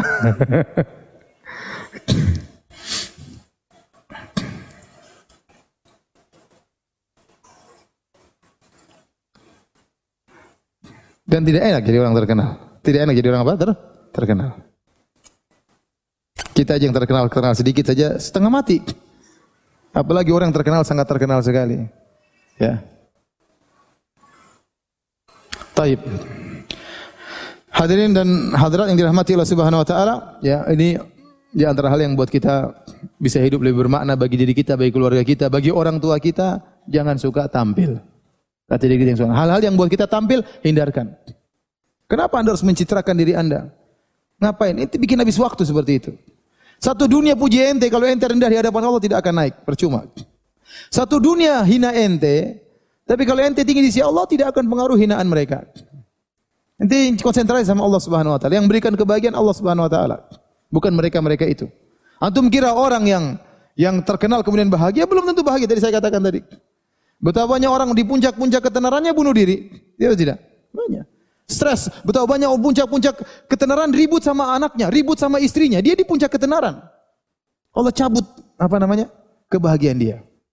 Ya kalau ente di luar orang hormat tapi di rumah tidak dihargai keluarga, apa enaknya hidup seperti itu? Ya. Semua orang puji ente, tapi di rumah diomelin istri, apa enaknya? Enggak enak. Bahkan gak satu dunia ejek ente, tapi di rumah istri sayang, istri puji, ente bahagia. Ya tidak. Terus sebaliknya satu dunia puji ente, ente masya Allah, ente pulang di rumah, eh, kek, kek, kek, udah selesai. Udah. Percuma, habis. Habis kebahagiaan tersebut. Benar atau tidak Bapak-Bapak? Oh, betul ya. Makanya tatkala Anda akhirnya ingin tenar, waktu Anda habis, tidak sempat untuk ngurus anak istri, begitulah akibatnya. Begitulah akibatnya. Kebahagiaan yang seharusnya itu merupakan kebaikan modal dasar hilang. Hanya hanya ingin mencari kebahagiaan yang sekunder. Ya. Ya. Cuma ingin dipuji, cuma ingin diakui, cuma ingin ini, eh, ngapain? Maka segala hal yang buat Anda tampil beda hindari. Enggak usahlah bikin yang aneh-aneh ya. ya. Apalagi zaman sekarang pingin pingin viral, bikin macam-macam, bikin ya, macam-macam. Subhanallah. Buat apa seperti itu? Taib. Di antara yang buat anda bisa bahagia, hidup ini bermakna, lakukan kegiatan kegiatan sosial meskipun sedikit tapi tekuni. Meskipun sedikit tapi tekuni. Contoh anda punya perhatian sama anak yatim, meskipun satu orang tapi tekuni dia. Apa keperluannya? Perhatikan dia belajarnya. Kalau kita tekuni satu akan ada keberhasilan. Kalau kita berhasil itu ada kebahagiaan bagi kita. Daripada orang yang punya banyak cita-cita namun tidak ada yang jalan. Jadi harus punya amal soleh meskipun kecil tapi tekuni. Anda punya pengajian, udah bikin pengajian di kompleks di kampung, bikin. Meskipun yang hadir sedikit yang penting tekuni. Inilah model Anda ketemu dengan Allah Subhanahu wa taala. Allah pasti beri kebahagiaan pada diri Anda. Meskipun Jangan langsung uh, bercita-cita punya pengajian yang banyak tapi yang satu tidak Anda Anda tekuni. Tekuni satu, jalani ya. Jalani. Anda uh, pokoknya apa saja kegiatan sosial meskipun enggak banyak-banyak, meskipun sedikit tapi ditekuni. Ya. Karena saya dapati sebagian orang ya, sebagian kawan seperti itu punya cita pengen ini, pengen ini, pengen ini, pengen ini, banyak proyek, banyak cita-cita namun enggak jalan-jalan semuanya. Kenapa? Karena dia tidak konsen pada salah satunya. Akhirnya bukan kebahagiaan yang dia dapat, tapi tasyatut, pikirannya kacau balau. Bahkan kekecewaan yang dia dapat, ini tidak jalan, itu tidak jalan, ini tidak jalan, akhirnya dia kecewa. Tapi kalau dia konsen satu tapi berhasil lebih baik. Yang penting ada kegiatan ya. Masing-masing kita bisa mengukur dirinya. Kalau dia punya kemampuan lebih silakan dia perluas proyek agamanya, proyek akhiratnya. Semakin punya kelebihan kemampuan lagi silakan luaskan lagi proyek akhiratnya. Dia bisa buat kerja sama sama orang lakukan. Sehingga proyek akhirat dia semakin semakin banyak. Tapi kalau tidak mampu, ya, maka lakukan yang dia mampu. Dan saya harap antum semua ada punya proyek akhirat. Ya, apa saja, mesti kecil-kecil. Entah antum bantu buat pengajian, entah antum bangun anak yatim, entah antum punya proyek bangun sumur bor di suatu kampung supaya keluar air dan itu amal jariah, ya atau kumpulkan kawan-kawan saya ingin punya masjid di kampung. Antum mungkin punya sumbangan sedikit selainnya antum minta kepada kawan-kawan proyek bagaimana bisa bangun masjid di kampung. Pokoknya ada suatu proyek akhirat yang antum bisa lakukan. Kalau antum niat antum tulus akan besar di, di sisi Allah Subhanahu wa taala. Kata seorang salaf rubba amalin saghirin tu'azzimuhun niyyah. Betapa banyak amal yang sedikit jadi besar di sisi Allah. Karena apa? Karena niat yang tulus. Wa rubba amalin kabir. Dan betapa banyak amal yang besar Tusok giruhunia. Jadi kecil karena niatnya enggak enggak beres. Yang penting antum punya kegiatan akhirat. Harus ada kegiatan entah apa saja. Nanti ibu-ibu juga bisa bikin. Pokoknya punya kegiatan akhirat yang kita tekuni, kita konsentrasi di situ. Inilah harapan kita bertemu dengan Allah. Saya punya kegiatan ini Allah. Yang saya sibukin setiap hari ini saya pikirkan ini. Ada orang-orang bikin sekolah, dia sibuk konsentrasi sekolah. Bagaimana bisa menciptakan? Wah, dia habis waktunya, tidak apa-apa. Ini kegiatan dia yang sehari-hari dia terjebak dalam kegiatan akhirat seperti ini. Ini mendatangkan kebahagiaan. Ini mendatangkan apa? Kebahagiaan. Taib. Kemudian di antara hal yang menambah kebahagiaan Jangan suka menghukumi orang lain. Tinggalkan kebiasaan menghukumi orang lain. Oh si fulan tuh begini, si enggak usah. Antum tidak ditugaskan oleh Allah untuk apa? Menghukum orang orang lain. Antum tahu buruk ya sudah tinggalkan. Tidak harus antum bilang oh dia tuh begini, begini, begini, begini. Tidak perlu. Ustaz saja tidak harus begitu. Ustaz hanya boleh begitu kalau ada benar-benar darurat. Baru dia harus jelaskan. Kalau enggak, enggak usah. Ya, harus enggak usah. Nah kalau kita sibuk menghukumi orang lain, kita lupa dengan kesalahan-kesalahan kita. Sibuk Oh si fulan begini, si fulan begini, si fulan begini. Akhirnya banyak kesalahan yang ada pada diri kita tidak kita sadari. Ya.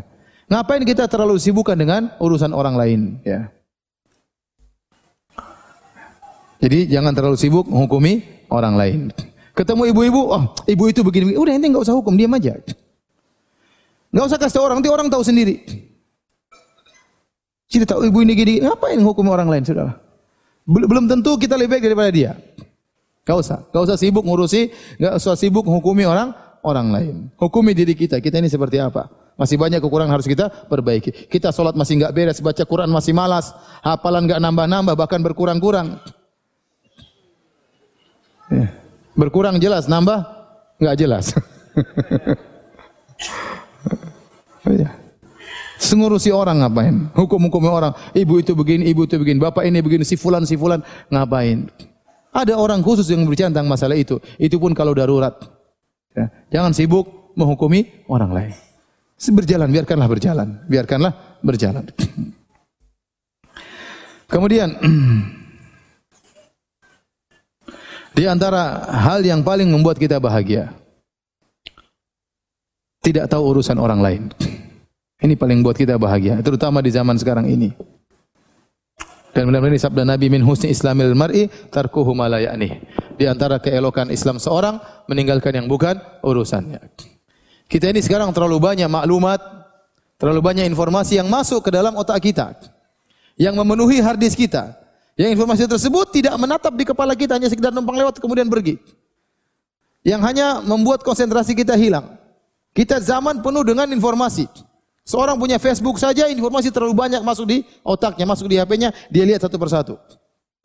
Seorang punya Twitter, kemudian dia punya langganan sampai 200 langganan, wes. Presiden Amerika langganan dia. presiden Korea langganan dia. Presiden aja berapa presiden dia langganan? Belum lagi artis si fulan, si fulan, si fulan, si fulan. Ustadz juga ada, ustadz fulan, ustadz fulan, ustadz fulan, ustadz fulan. Berita ini, ini, ini, com, com, com banyak sekali. Apa enggak stres otaknya? Ya. Apakah itu bikin dia bahagia? Tidak sama sekali. Yang saya sering sampaikan hal ini. Saya bicara tentang diri saya. Ya, saya dulu punya banyak kawan, saya punya Twitter, punya ini, punya ini, punya ini. Setelah saya tinggalkan saya lebih bahagia. Tidak terlalu tahu banyak urusan orang. Ya. Ustaz, tapi saya bisnismen. Ya enggak apa-apa. Kalau ente memang perlu tahu silakan. Ada hubungannya dengan bisnis silakan. Ya. Tapi tidak semua kita bisnismen. Banyak di antara ibu-ibu cuma hanya ibu-ibu rumah tangga. Terus mau tahu berita ini, berita anu, berita ini, berita anu ngapain? Setelah dia punya berita pun dia tidak jadi pakar politik. Enggak juga. Hanya politik rumah tangga dia kuasai. Yang penting kuasai suaminya selesai. ngapain berita macam-macam bikin pusingnya? Ben. Sekarang semua orang tahu apa saja. Coba. Maksudnya nggak usah jauh-jauh. Orang mungkin jual es, jual apa. Tapi kalau bicara tentang informasi, Info ini, ini, ini, ini, ini tidak tersusun rapi. Apa manfaatnya dia di akhirat? Di dunia pun tidak jadi pakar, di akhirat terbuang-buang sih waktunya. Apakah dia untuk membaca informasi yang banyak itu tidak buang waktu? Buang waktu tidak? Buang waktu. Kalau seribu informasi masuk di kepalanya tiap hari, betapa waktu habis? Kapan dia baca Qurannya? Kapan dia tadabur ayat-ayat Allah Subhanahu wa taala? Bagaimana dia mau menangis di hadapan Allah sementara informasi begitu banyak? Ini inilah ada kasus inilah kemudian berkembang ini tidak berhenti, tidak berhenti. Saya bilang sekarang antum di zaman antum butuh untuk sekali-sekali matikan HP. Ya. Binasa Ustaz kalau matikan HP. kalau internet hilang pusing kita ya. Jadi ketergantungan terhadap berita luar biasa ya. Saya tidak mengatakan bahwasanya berita tidak manfaat, tapi saya katakan 95% tidak bermanfaat buat antum. 5% ya pilih-pilih, nanti silakan dengar berita, tapi pilih-pilih. Jangan semua sumber berita ente langganan. Yang paling yang menurut ente baik itu aja langganan. Tidak semua berita kita harus tahu. Tidak semua berita kita harus apa? Harus tahu. Karena kalau Anda tahu semua berita, akhirnya waktu Anda habis. Mau ngurus suami nggak ada waktu, mau ngurus istri nggak ada waktu, mau ngobrol sama istri nggak ada waktu, mau senyum sama anak-anak, mau pelukan sama nggak ada waktu, mau jalan-jalan sama anak nggak ada waktu. Terus kehidupan apa yang buat Anda bahagia kalau bukan begitu? Kalau Anda tidak dekat sama istri dan anak-anak, terus apa kebahagiaan yang Anda dapatkan? Kalau Anda tidak dekat dengan orang tua, apa kebahagiaan yang Anda dapatkan? Tidak ada kebahagiaan. Anda merasa hebat punya informasi, orang lain lebih mungkin yang lebih banyak browsing lebih banyak informasi daripada Anda. Jadi kalau Anda ingin bahagia, ya udah, jangan terlalu banyak dengar apa? Berita. Ini benar nasihat dari saya ya. Jangan terlalu banyak dengar apa? Berita. Kalau ada berita sangat penting, toh akan kita tahu, akan jadi buah bibir masyarakat. Antum langganan berita jangan seluruh berita antum langganan satu dua berita sudah cukup. Informasi dari berita tersebut sudah sudah mewakili yang yang lainnya. Tidak harus Anda yang paling pakar, yang paling tahu lebih dahulu. Ini hanya menghabiskan umur Anda. Apalagi Anda sekarang rambutnya sudah pada putih semuanya. Sudah berapa kali ke hatam Quran? Enggak pernah. Hatam berita tiap hari seribu berita didengar. Terus apa yang Anda bawa ketemu Allah Subhanahu wa taala? Gimana kehidupan menjadi lebih afdal, lebih bermakna kalau begini caranya kita jalani kehidupan kita sehari-hari. Dipenuhi dengan informasi yang tidak tidak membangun pribadi kita. Tidak menambah keimanan kita, enggak.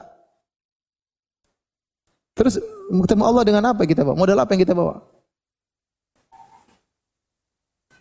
Seorang salaf waktu dia akan meninggal anaknya menangis, katakan, "Nak, jangan kau menangis. Ayahmu telah menghatamkan ribuan kali di rumah ini misalnya." Kita apa yang mau kita banggakan di depan Allah Subhanahu wa taala? Ya. Quran aja enggak pernah kita baca. Terus bagaimana bahagia? Bagaimana mau bahagia? Yang menentukan kebahagiaan Allah Subhanahu wa taala, pemilik Al-Qur'an. Anda ingin bahagia baca Al-Qur'an, bukan baca berita. Saya ulangi lagi, bukan berarti saya katakan berita tidak bermanfaat, bermanfaat tapi sedikit. Oleh karenanya filter berita yang masuk sehingga kita punya waktu lebih untuk menciptakan kebahagiaan kita. Mengetahui terlalu banyak urusan orang lain itu hanya membuat gelisah hati kita. Hanya kita jengkel kan? Oh, kurang ajar tuh orang. Ya ada. Ente ngomel-ngomel sama dia, omelan ente tidak sampai sama dia juga. Kecuali kalau ente omel di depan dia, boleh lah. Oh, itu kurang ajar gini-gini. Dia, dia, dia dengar santai-santai aja yang diomelin. Jadi kurangi ya. Min husni islamil mar'i tarkuhu ma la ya'ni. Di antara keelokan Islam seorang ya e, meninggalkan urusan yang bukan urusannya. Latih diri kita untuk banyak diam. Kalau orang bangga dengan pembicaraannya, banggalah dengan antum dengan diam. Kalau orang mengatakan idza kanal kalam min fiddah was sukut min dhahab. Kalau orang berkata berbicara dari perak, maka diam itu dari emas. Ya. Jangan terlalu bangga menjadi pembicara. Jangan terlalu bangga menjadi komentator. Tidak semua perkara kita komentari. Dia komentar dalam hati sudah. Gak usah kita ungkapkan. Kalau kita ungkapkan langsung dicatat oleh malaikat. Selesai. Kalau ungkapan kita benar, Alhamdulillah. Kalau salah, repot. Sudah salah, kemudian bikin heboh banyak orang, bikin ribut banyak orang. Jadi bahan pembicaraan di antara orang lain. Yang jadi bahan perdebatan di antara banyak orang. Kita repot nanti hari hari kiamat. Jadi jangan lupa ya kalau ingin bahagia kurangi mengetahui banyak berita. Jangan. Ya. Taib, ini yang keberapa sekarang? Berapa? Ke sebelas. Dua belas. Di antaranya bisa jadi ada orang-orang tidak suka sama antum. Antum tahu yang ke-12 bagaimana mensikapi orang tidak suka sama antum. Dan pasti ada yang tidak suka. Setiap manusia ada yang suka, ada yang enggak suka. Jangan kita Tuhan aja demikian. Ada yang disuka, ada yang ada yang ada yang memuji Tuhan, ada yang mencela Tuhan. Orang Yahudi mencela Tuhan. Allah tidak selamat dari celaan orang-orang Yahudi. Wa qalatil yahudu yadullahi maglula. Orang Yahudi berkata tangan Allah terbelenggu. Mereka mengatakan Allah menciptakan langit enam hari, hari ketujuh Allah istirahat. Mereka celah Allah Subhanahu wa taala. Allah tidak selamat dari celaan. Para nabi juga tidak selamat dari celaan. Nabi SAW dicerca, sampai sekarang ada yang mencerca Nabi SAW dan demikian para nabi-nabi yang lain. Nah, Anda pun demikian. Mungkin ada orang benci sama Anda. Bisa jadi kebencian tersebut timbul Anda yang benar, mereka yang salah. Bisa jadi kebencian tersebut timbul karena Anda yang salah. Ya. Nah, bagaimana sikap kita terhadap orang-orang yang benci sama kita? Ya. Kalau sampai kepada kita cercaan mereka, kita lihat apakah cercaan ini benar pada diri kita. Kalau benar, maka siap kita melakukan perbaikan. Meskipun cara penyampaiannya kasar, meskipun cara penyampaian penuh dengan penghinaan, tapi kita tahu kita manusia yang penuh dengan kekurangan. Ambil faedah dari cercaan mereka, dari celaan mereka dengan perbaiki diri diri kita. Jangan kita angku, jangan kita kemudian arogan. Seakan-akan tidak punya tidak punya salah. Siapa pun Anda, Anda pasti punya salah. Tapi kalau kita tahu ada orang yang benar benci kita, kita yang benar, dia yang benci selalu cari kesalahan, nuduh yang tidak-tidak. Bagaimana supaya kita bahagia? Tadi kita bilang Allah saja tidak selamat, apalagi saya. Sudahlah. Itu sudah sunatullah berjalan. Itu sudah suatu problematika yang tidak ada solusinya. Anda ingin dipuji oleh seluruh manusia di atas muka bumi ini mustahil. Ridwan nas goyatun natudrak. Keriduan manusia adalah tujuan yang tidak mungkin tercapai. Ya. Ini namanya kehidupan. Ada yang mencela, ada yang memuji. Orang yang mencela Anda, ya sudah. Sudahlah, itu biasa. Anda pasti dicela, cepat atau lambat pasti ada yang mencela, pasti ada yang musuhi, pasti ada yang tidak suka, siapa pun Anda. Kalau tidak bisa diperbaiki sudah biarin begitulah kehidupan. Ini problematika yang tidak ada solusinya. Suatu problematika yang tidak ada solusinya itu bukan problem. Itu namanya lika-liku kehidupan. Saya ulangi, suatu problematika yang tidak ada solusinya itu bukan problem. Itu namanya apa? Lika-liku kehidupan. Orang mengeluh, Ustaz saya kok rambut saya semakin hari yang putih semakin banyak. Itu bukan problem. Itu memang kehidupan seperti itu. Ya. Ya enggak mungkin ente mau hidup terus. Engkau akan tua lama-lama mati ya. Sudah biasa. Manusia juga seperti itu. Sama seorang datang ke Jakarta kemudian ngeluh, Jakarta macet. Ya sudah, tidak ada solusinya. Ente mau hidup di Jakarta, nikmati kemacetan tersebut. Ente enggak ingin macet, sana tinggal di Papua. Enggak macet. Ada ibu-ibu telepon saya. Saya di luar negeri ada ibu telepon saya. Kok dulu nomor saya ketahuan sama dia. telepon. Setengah jam ngomong. Aduh, ah, mau tak matikan nggak tega. Ini Ustaz gini gini gini suami saya gini gini gini gini gini gini gini. Nasihat ibu, sudah sudah cerita sudah nggak bisa nggak bisa berubah gini gini gini itu. Oh, sudah bu, suami ibu nggak bisa berubah. Ya udah itu berarti bukan problem kata saya. itu kaliku kehidupan. Sabar. Ini bukan problem Ustaz, bukan. Sabar. Itu lika-liku kehidupan. Oh ya Ustaz. Katanya nggak bisa berubah. Ya sudah kalau nggak bisa berubah diapain? Kalau bisa berubah itu namanya problem yang ada solusinya. Kalau nggak bisa ya sudah. Ente ingin semua orang cinta sama ente mustahil. Mustahil. Pasti ada yang nggak suka sama anda. Nah, bagaimana kita bisa bahagia menghadapi orang yang tidak suka dengan kita dalam tanda kutip musuh-musuh kita? Pertama, ente ingat bahwasanya tidak ini inilah kehidupan. Yang kedua, orang lebih afdal daripada Anda yang tidak ada cacatnya, tidak ada kekurangannya, ya, juga tidak selamat para nabi. Tuhan yang Maha Esa pun tidak selamat dari cacaan makhluknya. Ini yang pertama. Yang kedua, jangan sibukkan diri Anda dengan mereka. Jangan pernah tahu, pingin tahu tentang kabar mereka. Jangan cari-cari tahu tentang apa omongan mereka. Itu hanya membuat Anda sengsara. Dia ngomong apa tentang saya sih? Ngapain ini tanya-tanya? Biarin dia ngomong, itu nggak usah dengar. Makanya Syekh Sa'di mengatakan, kalau ada yang mencela Anda, sesungguhnya kemudaratan itu muncul tatkala Anda ingin tahu tentang dia. Kalau Anda cuek kan Anda tidak Anda bahagia aja. Udah, dia ngomong apa yang penting Anda sama istri sama anak-anak selesai. Jalan-jalan, ngomong, biarin ngomong apa. Ada yang lapor, Ustadz si fulan, eh saya nggak mau dengar. Nanti dengar sendiri aja. Yang pusing ente, Anda nggak mau pusing. Nanti dengar sendiri, saya nggak mau dengar. Berapa kali orang tegur saya, saya bilang saya tidak mau dengar. Ada yang kirim Ustaz, ada yang ceramah, saya enggak mau dengar. Langsung saya delete, saya bilang, saya tidak mau dengar. Jangan kirim lagi seperti itu. Ada ibu lagi datang, Ustaz, ada yang datang, saya tidak mau dengar. Ibu saya enggak suka seperti ini. Jangan ulangi lagi, saya tegas. Saya lagi bahagia, ente ganggu seperti ini. Bayangkan saya lagi sama istri lagi ketawa-ketawa, atau ada SMS, ada WA, Ustaz ini ada ceramah orang celah-celah antum. Gimana saya? Saya jadi jengkel, istri saya kena kena susah juga gara-gara itu. Jadi kalau ada orang nggak suka sama ente dan tidak mungkin anda harapkan kebaikan dia dengan kita, nggak usah pedulikan mereka. Nggak usah cari tahu kabar tentang mereka. Nggak usah dengar nama-nama mereka. Itu hanya membuat anda tidak bahagia. Biarin dia mengomongkan apa yang dia omongkan. Yang penting anda benar, nggak usah urus orang. Anda bahagia. Banyak kegiatan yang bisa Anda lakukan. Udah biarin aja. Tapi kalau ada omong celah sedikit, pusing, gelisah. Ya terus bagaimana? Ya. Nggak usah. Sejauh mana Anda mengurusi mereka, sejauh itu pula Anda mendapatkan kemudaratan. Sejauh itu pula kebahagiaan Anda dicabut. Jadi ada orang nggak suka sudah, nggak usah, nggak usah sibuk dengan mereka. Taib yang sekarang yang keberapa? Yang berapa? 13 ya. 13 kurangi grup WhatsApp.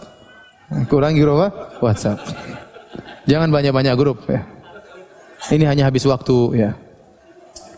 Sedikit tung tang ting tung tung tang ting tung tung tang ting tung lihat lagi tidur ting tang itu lagi pelukan sampai ting tang sebentar sebentar.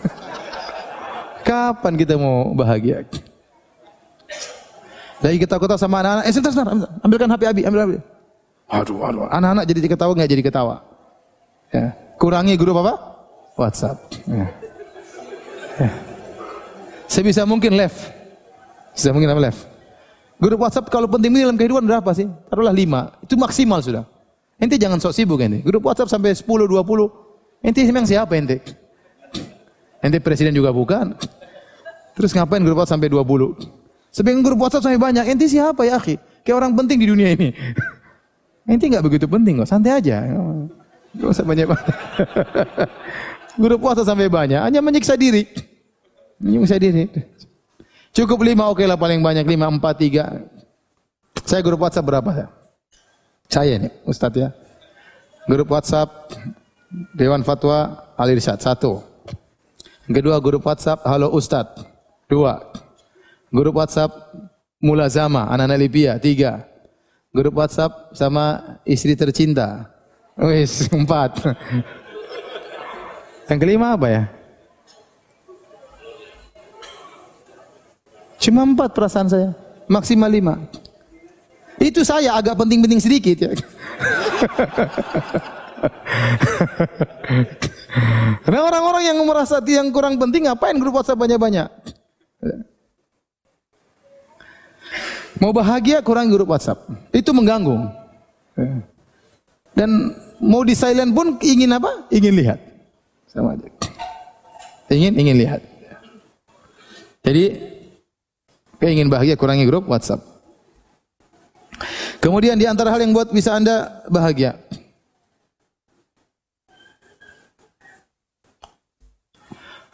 Uh, kalau tidak mampu beranikan menolak sejak awal. Ada orang minta sesuatu, Anda tidak mampu langsung bilang, mohon maaf saya tidak mampu, mohon maaf saya tidak bisa. Jangan kita beri harapan kepada dia, kita bilang insya Allah ternyata kita tidak mampu, akhirnya kita sibuk, akhirnya nggak enak sama dia, minta maaf di kemudian hari. Jangan. Enggak mampu, enggak mampu sudah. Beranikan diri untuk mengatakan tidak kalau memang tidak mampu. Jangan gantungkan orang. Ya. Jangan gantungkan orang kepada Anda. Ustaz bisakah Ustaz gini-gini? Oh, saya tidak bisa. Mohon maaf, saya enggak ada waktu, mohon maaf. Jangan bilang kemudian nanti kita atur kita akhirnya kita beliau berharap sama kita dia tidak jadi-jadi. Kasihan. Bisa nggak kita bantu? Kalau nggak bisa bilang ya saya nggak bisa. Karena menggantungkan orang kepada kita membuat kita hidup gelisah akhirnya. Ditelepon lagi, ditelepon lagi, dicari lagi, kita menghindar lagi. Mereka tidak mampu. Mending dari awal bilang, saya tidak mampu. Kumpulan ibu-ibu ada yang ngajak, Bu kita mau jalan-jalan ke sini. Saya nggak bisa. Bilang aja nggak bisa. Oh bilang, oke oke nanti. Padahal kita tahu dalam hati kita kita nggak mampu. Akhirnya nanti kita ditagih, kapan mau jalan-jalan, kapan mau ini, kapan mau anu. Bilang sejak awal saya tidak tidak bisa. Latih diri kita untuk berani menolak sejak awal daripada minta maaf di belakangan. Itu maksud saya. Ya, siapa pun. Ya. Taib di antaranya agar kita bahagia mudah memaafkan. Yang keberapa ini?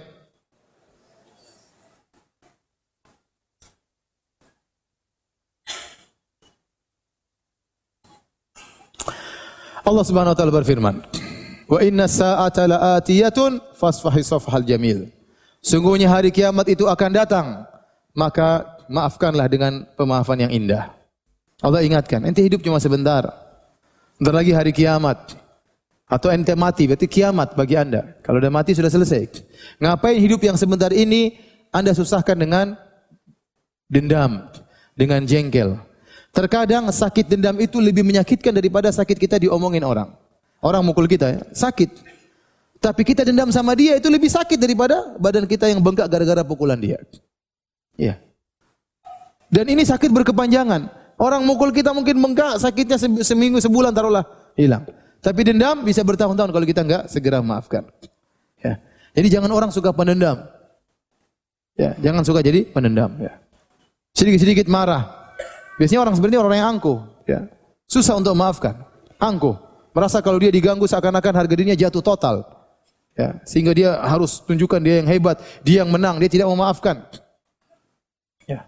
Saya dulu punya kawan di kawan kuliah ya, suka dendam, menendam. Ada kawan saya punya masalah sama dia. Langsung dia marah, dia bilang, "Semoga Allah menyempitkan kuburannya." Ini orang belum mati padahal. dia sudah doakan, semoga Allah menyempitkan apa? Kuburannya. Belum mati sudah doain cepat mati terus disempitkan apa? Kuburannya. Ngapain gitu? Ngapain? Ya. Laisa al-mu'min bit-ta'an wala la'an ya. Bukanlah seorang mukmin yang suka mencela, suka memaki. Tenang, hadapi masalah dengan dengan tenang. Nah, kalau kita biasa maafkan, hidup kita ini tentram. Ada orang punya salah dengan kita. Orang dekat, orang jauh. Maafkan aja, sudah selesai. Bilang dia manusia, saya juga punya dia juga manusia. Ada manusia terkadang emosi. Gampangkan permasalahan, jangan dibuat besar. Jangan dibuat dibuat besar. Sejauh mana Anda memaafkan, maka akan lepaslah beban dari dari hati Anda. Anda kalau kita punya masalah sama kerabat kita, lebih repot lagi. Punya masalah sama ibu, punya masalah sama kakak, punya masalah sama adik. Kemudian tidak kita maafkan, maka penderitaan yang panjang. Dan ini merusak kebahagiaan kita. Punya masalah sama teman kantor, kita nggak maafkan, kita setiap ke kantor kita menderita sendiri. Ketemu saling balik muka, jengkel-jengkelan, bertahun-tahun seperti ngapain seperti itu? Udah selesai, maafkan, selesai. Ketemu Assalamualaikum. Gak mesti harus jadi teman dekat. Tidak harus jadi teman, teman dekat. Yang penting sudah selesai, kita maafkan. Jadi latih diri kita untuk mudah memaafkan. Ya, ini memang berat, tetapi faedahnya kembali kepada diri kita. Selain kita dapat pahala, diampuni dosa-dosa oleh Allah Subhanahu wa taala, kita pun menjadi lebih bahagia. Dan saya sudah punya ceramah khusus tentang ini tentang 20 sebab kenapa kita harus memaafkan dari buku Syekhul Islam Ibnu Taimiyah rahimahullahu taala. Kemudian di antara hal yang buat kita bahagia ya, jangan cari musuh. Jangan cari musuh. Kalau kita tidak bisa berteman dengan dia, tidak usah jadikan dia musuh kita. Ini kaidah penting. Kalau Anda tidak cocok sama dia, ya sudah, tidak usah berteman aja, tapi tidak usah jadikan dia musuh Anda. Di antara jadikan musuh, kita caci dia, kita maki dia, kita cari masalah sama dia, berarti kita mengangkat dia sebagai musuh kita. Dan itu hanya menambah beban kehidupan kita. Kalau tidak cocok sama orang sudah kita diam, kita tinggalkan begitu saja sudah nggak usah kita omongkan, nggak usah kita ini, tinggalkan. Yang penting kita berpisah bukan sebagai musuh. Daripada kita jadikan dia musuh, ya nggak usah kita nggak bisa berteman, tidak harus jadi jadi musuh. Ini banyak dalam kehidupan kita ya. Dalam dakwah juga demikian. Tidak mesti orang yang tidak cocok dengan kita kemudian kita jadikan apa? Musuh. Mesti. Tidak mesti tetangga yang tidak cocok dengan kita kita jadikan musuh. Tidak cocok ya sudah, nggak usah dekat enggak apa-apa. Tapi tidak mesti harus jadi jadi musuh. Kawan kerja pun demikian, tidak cocok sama kita ya sudah, sudah jadikan bukan kawan kita, tapi tidak harus jadi musuh. Dengan demikian kita akan hidup lebih bahagia. Kemudian yang berikutnya kalau lagi marah, lagi marah ingat, kalau kita marah kita lampiaskan betapa sering perkara yang sudah kita bina bertahun-tahun hancur seketika gara-gara marah tersebut. Hati-hati. Betapa banyak orang sudah membangun kehidupan rumah tangga puluhan tahun. Udah punya anak, tahu-tahu dia emosi cerai. Buyar semua kebahagiaan yang dia bangun selama ini. Sebelum antum marah, antum mikir. Ini saya marah ini ada dampaknya apa? Kalau ternyata menghancurkan kebahagiaan yang sudah saya bina selama ini, ngapain saya marah-marah? Ngapain saya marah-marah? Oleh karena hati-hati, Betapa banyak marah menghancurkan suatu perjuangan yang sudah kita juangkan bertahun-tahun. Hancur gara-gara marah sesaat. Maka seorang tatkala marah dia jangan banyak omong. Idza ghadiba ahadukum falyaskut kata Nabi. Jika salah seorang sedang marah, diam, jangan ngomong. Tenang dulu, jangan langsung bertindak, jangan langsung berkata-kata, tenang dulu. Kalau bisa pergi-pergi nanti mikir belakangan. Betapa banyak kemarahan yang akhirnya menghancurkan segalanya. Sebagaimana perkataan Seorang salaf al-ghadab awaluhu junun wa akhiruhu nadam. Kemarahan itu awalnya adalah kegilaan dan ujung-ujungnya adalah penyesalan. Yang terakhir, yes. Jangan terlalu sering berkeluh kesah. Ketahuilah kebanyakan keluh kesah Anda tidak akan merubah kondisi. Hanya akan menghinakan diri Anda. Hanya akan merendahkan diri diri Anda. Tapi berkeluh kesahlah kepada Allah Subhanahu wa taala. Kalaupun Anda harus berkeluh kesah, maka pilihlah orang yang pantas untuk Anda berkeluh kesah. Yang bisa memberi masukan, yang bisa menaikkan ya semangat Anda. Tidak semua orang Anda datang dan berkeluh kesah. Keluh kesah tersebut seringnya tidak merubah kondisi Anda. Hanya semakin menghindarkan Anda di hadapan manu, manusia. Kalau Anda ingin bahagia jangan suka berkeluh. Hadapi, tenang, yakin kepada Allah Subhanahu wa taala bahwasanya problem itu bisa Allah hilangkan dengan mudah sehingga kun fayakun selesai. Dekatkan diri Anda kepada Allah Subhanahu wa taala. Taib demikian saja karena waktunya tinggal 5 menit. Kalau ada yang bertanya saya persilakan.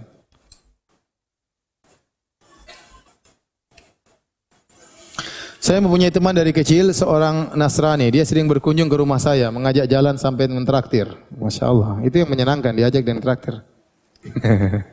Sekarang Alhamdulillah semenjak saya berusaha untuk tetap sunnah, saya merasakan takut kepada Allah karena ada firman Allah, janganlah engkau jadikan orang kafir teman baikmu. Bagaimana saya harus menyikapinya? Apakah saya menolaknya datang ke rumah? Enggak, saya rasa tidak ada masalah. Dia datang aja sambil ngobrol. Ya, sambil ngobrol pelan-pelan masukin tentang masalah sebagai teman kita berusaha masukkan Islam kepada dirinya. Saya kemarin ketemu kawan, seorang ustadz yang dia memang spesial ngurusi dakwah dan banyak orang mualaf dia ribuan orang mualaf dia urus. Dia bilang Ustadz sampai saya kalau naik mobil kebetulan supirnya ternyata bukan orang Islam langsung saya tanya antum orang apa? Aku rasa gimana menurut Tuhan? Menurut Tuhan antum itu bagaimana? Langsung saya bicara masalah Tuhan. saya ingin dakwah dia. Dia ngomong begitu, saya debat langsung di situ. Setelah itu saya bilang mana nomor teleponmu? Pokoknya saya kasih syubhat. Gimana cara dia? Maksudnya kasih ilmu supaya dia sadar. Ya. Apalagi teman kita, sebenarnya kita lebih ini aja baru ketemu dia berani ngomong langsung tentang masalah apa? Tuhan. Apalagi teman lama, sudah bicara aja nggak ada masalah. Pelan-pelan ya apa bagaimana kalau kita atau kasih buku-buku tentang Islam, cobalah kamu pelajari. Ya. Ya enggak apa-apa ya, enggak ada masalah ya. Yang dilarang kemudian menjadi teman dekat memang enggak boleh. Hanya teman dia kunjung ke rumah sekali-sekali enggak ada masalah. Sebagaimana kita punya tetangga, terkadang tetangga itu orang-orang apa namanya uh, eh, non Muslim ya. Ya.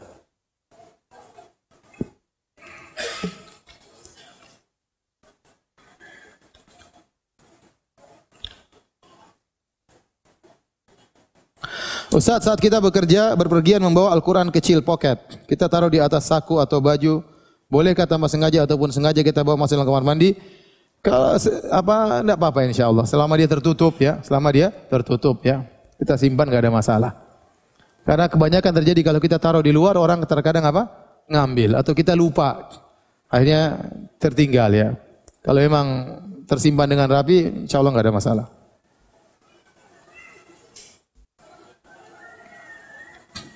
Ustadz saya ditolak ta'aruf karena saya gendut. Apakah harus kurus dulu baru dapat jodoh? Usaha, karena namanya usaha. Ya udah kurus dulu. Ya, usaha ya. Nanti kalau udah berhasil gemuk enggak apa-apa. ya, namanya ya secara biasa orang suka yang lebih langsing ya. Itu biasa itu manusiawi ya.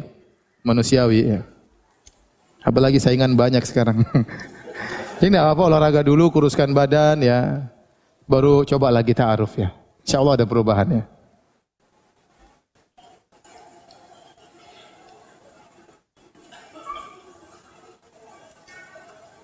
Bagaimana mengatasi orang yang suka banding-bandingkan dan menyesali seperti andaikan kau seperti si A atau si B. Nasihati percuma, Mas, tidak ada faedahnya. Percuma sayang, tidak ada faedahnya kau bandingkan saya dengan dia. Ya. Saya tidak akan bisa pernah jadi apa? Dia. Ya. Takdirmu sudah begitu, Mas. Sabar. ya nasihati nggak boleh seperti itu, menyakitkan hati. Suami bandingkan istrinya dengan istri orang lain, istri bandingkan suami dengan suami orang lain. Ya. Ini perkara yang sangat menyakitkan. Ya. Makanya di surga kelak di antara sifat-sifat bidadari, ya qasiratu tarf. Dia menundukkan pandangannya hanya melihat suaminya. Dia tidak pernah membandingkan suaminya dengan suami orang orang lain. Dan itu di antara uh, bentuk kebahagiaan. Bagaimana sikap kita menghadapi tetangga yang selalu pura-pura tidak melihat kami dan selalu minta ditegur terlebih dahulu? Ya sudah tegur aja dulu, nggak ada masalah. Nggak usah cari masalah, nggak usah ikut dia mau ditegur tegur aja kan gampang aja. Assalamualaikum, udah, biarin aja. Daripada nanti pulang itu nggak mau ditegur, ya nggak usah diurusin. Udah. Jangan tambah masalah di otak ente sudah. Ada solusinya, kita tegur dulu, sudah laksanakan solusi itu. Biarin aja, dia modelnya begitu, ya sudah. Nah, dia udah, jangan tambah problem. Udahlah biarin aja, dia sukanya begitu, ya sudah. Ada masalah.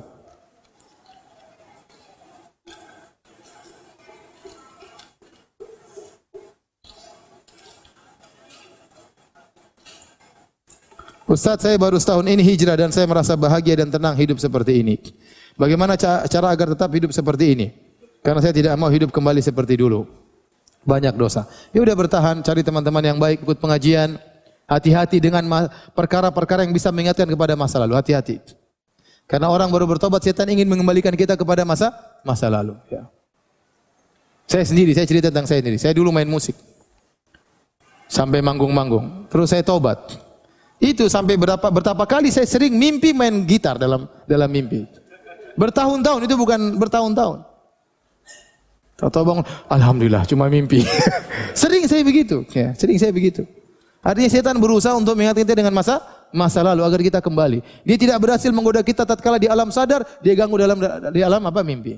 Nah, kalau kita ternyata punya kawan-kawan yang bisa membuat kita kembali masa lalu, blokir. Jangan bilang saya mau nasihati dia. Kalau ente tidak mampu, tidak usah blokir aja, lebih aman. Keselamatan agama lebih utama daripada pertemanan. Jadi segala hal yang bisa membuat kita kembali kepada masa lalu, tinggalkan. Kalau ente tahu main-main di kampung tersebut, ternyata muncul CLBK, cinta lama bersih kembali, jangan ke situ. Ini ada kisah romantis di kampung ini. Sudah jangan ke situ. Ke kampung lain aja. Nanti kamu situ ingat masa lalu, akhirnya macam-macam, udah jangan. Segala hal yang buat kita bisa kembali masa lalu tinggalkan.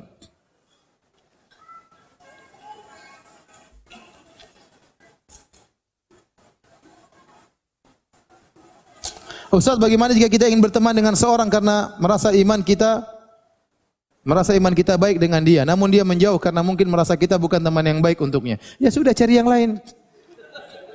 Teman masih banyak ya. Jangan baper, sudah selesai maksudnya. Jangan tambah masalah. Dia nggak mau ya sudah, nanti ngapain paksa-paksa? Eh saya mau jadi teman ente, dia nggak mau ya sudah. santai aja, santai, nggak usah. Jangan cari masalah.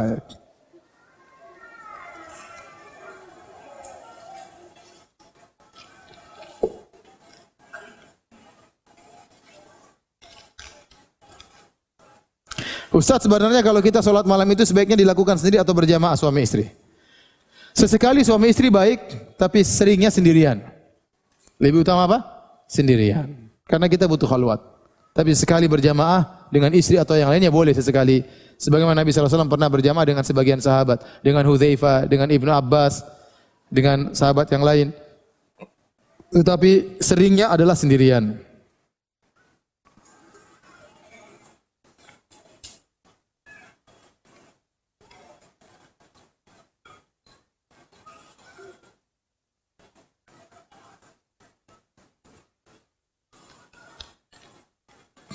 Ustaz, bolehkah kita menyungguh orang sakit non muslim? Boleh. Termasuk kemanusiaan, enggak ada masalah. Apa kita diperbolehkan mendoakannya? Boleh perkara kita doakan semoga cepat sembuh, ada masalah. Semoga dapat hidayah, enggak ada masalah. Ya, enggak ada masalah. Ada orang miskin lapar, kita kasih makan atau tidak? Orang kafir kelaparan, kita kasih makan atau tidak? Sama aja kan berarti kita ingin dia hidup, itu tidak? Itu tidak? Ah, ini orang kafir mati aja kan enggak, enggak juga. Dan bersedekah sama orang kafir itu ijma boleh. Selama dia bukan kafir harbi, bukan orang kafir yang menyerang agama kita. Di antara dalilnya Allah berfirman, "Wa yut'imuna ala hubbihi miskinan wa yatiman wa asira." Dan mereka beri makanan yang mereka sukai kepada orang miskin, kepada anak yatim dan kepada tawanan perang. Tawanan perang itu agamanya lain. Itu dipraktikkan oleh para sahabat. Sampai para sahabat waktu dalam perang Badar, mereka menawan orang-orang kafir Quraisy. Dan makanan yang paling enak bagi mereka adalah roti gandum. Korma nomor dua. Ya. Tapi karena mereka tahu Nabi menyuruh mereka berbuat baik kepada tawanan sehingga mereka kasih gandum kepada kepada tawanan. Mereka makan korma. Sampai tawanan tersebut sampai malu. Bagaimana kita ditawan, terus makanan enak dikasih kepada kita yang ngasih makannya kurang kurang enak. Ya. Seperti kita nawan orang, kita bawa nasi, ada kambing, ada tempe. Kemudian kambingnya kita kasih dia, kita makan tempe. Yang dikasih kambing kan gak enak. Gimana masa kita jadi tolong malah dikasih kambing, dia makan tempe. Itu dipraktekkan sahabat terhadap tawanan orang kafir. Jadi, tidak apa-apa kalau ada orang kafir kita jenguk, kita doain semoga cepat sembuh, semoga dapat hidayah, ya, tidak ada masalah. Sebagai bentuk kemanusiaan. Kalau kita bisa sisipkan dakwah lebih baik. Ustaz seberapa penting olahraga memanah untuk ibu-ibu? Enggak lah, ibu-ibu enggak enggak usah mana-mana lah. Saya tidak menganjurkan ya. Bawa mana-mana. Olahraga yang lain, olahraga yang menyenangkan bapak-bapak gimana caranya? Yang penting sehat ibu-ibu jalan pagi kayak apa kayak senam kayak di antara ibu-ibu. Nah, oh, bikin sekali-sekali seminggu sekali ngumpul senam bareng-bareng ya. Daripada di tengah jalan putar musik kemudian dilihat oleh para laki dengan baju yang membentuk eh, tubuh ya jangan. Yang penting ibu-ibu kumpul di mana ya. Senam kan sebentar cuma ketemu senam satu jam pulang. Jangan ketemu senam satu jam ngobrol lima jam.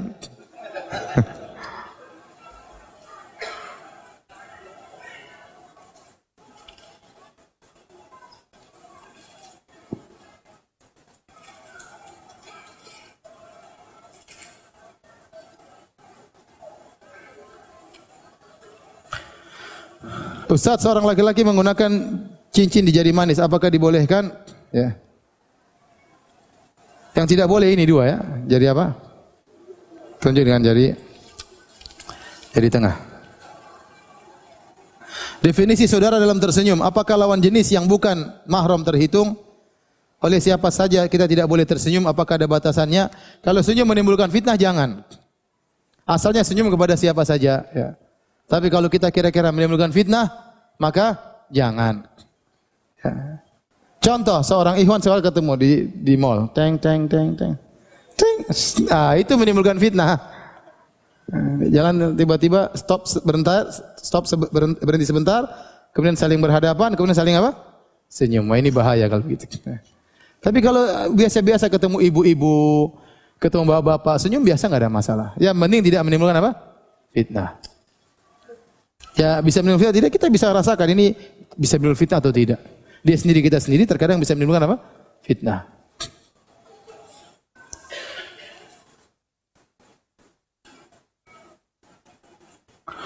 Kita ketika berniat bersedekah dengan harta terkadang ada bisikan-bisikan syaitan seperti tambahkan jumlah sedekah itu. Ah kamu berbuat itu karena ingin pujian dan sebagainya. Bagaimana kita menghadapi hal tersebut? Padahal awalnya kita sudah berniat lillahi ta'ala. Kalau setan bilang kamu riak, tambah sedekahnya. Ya.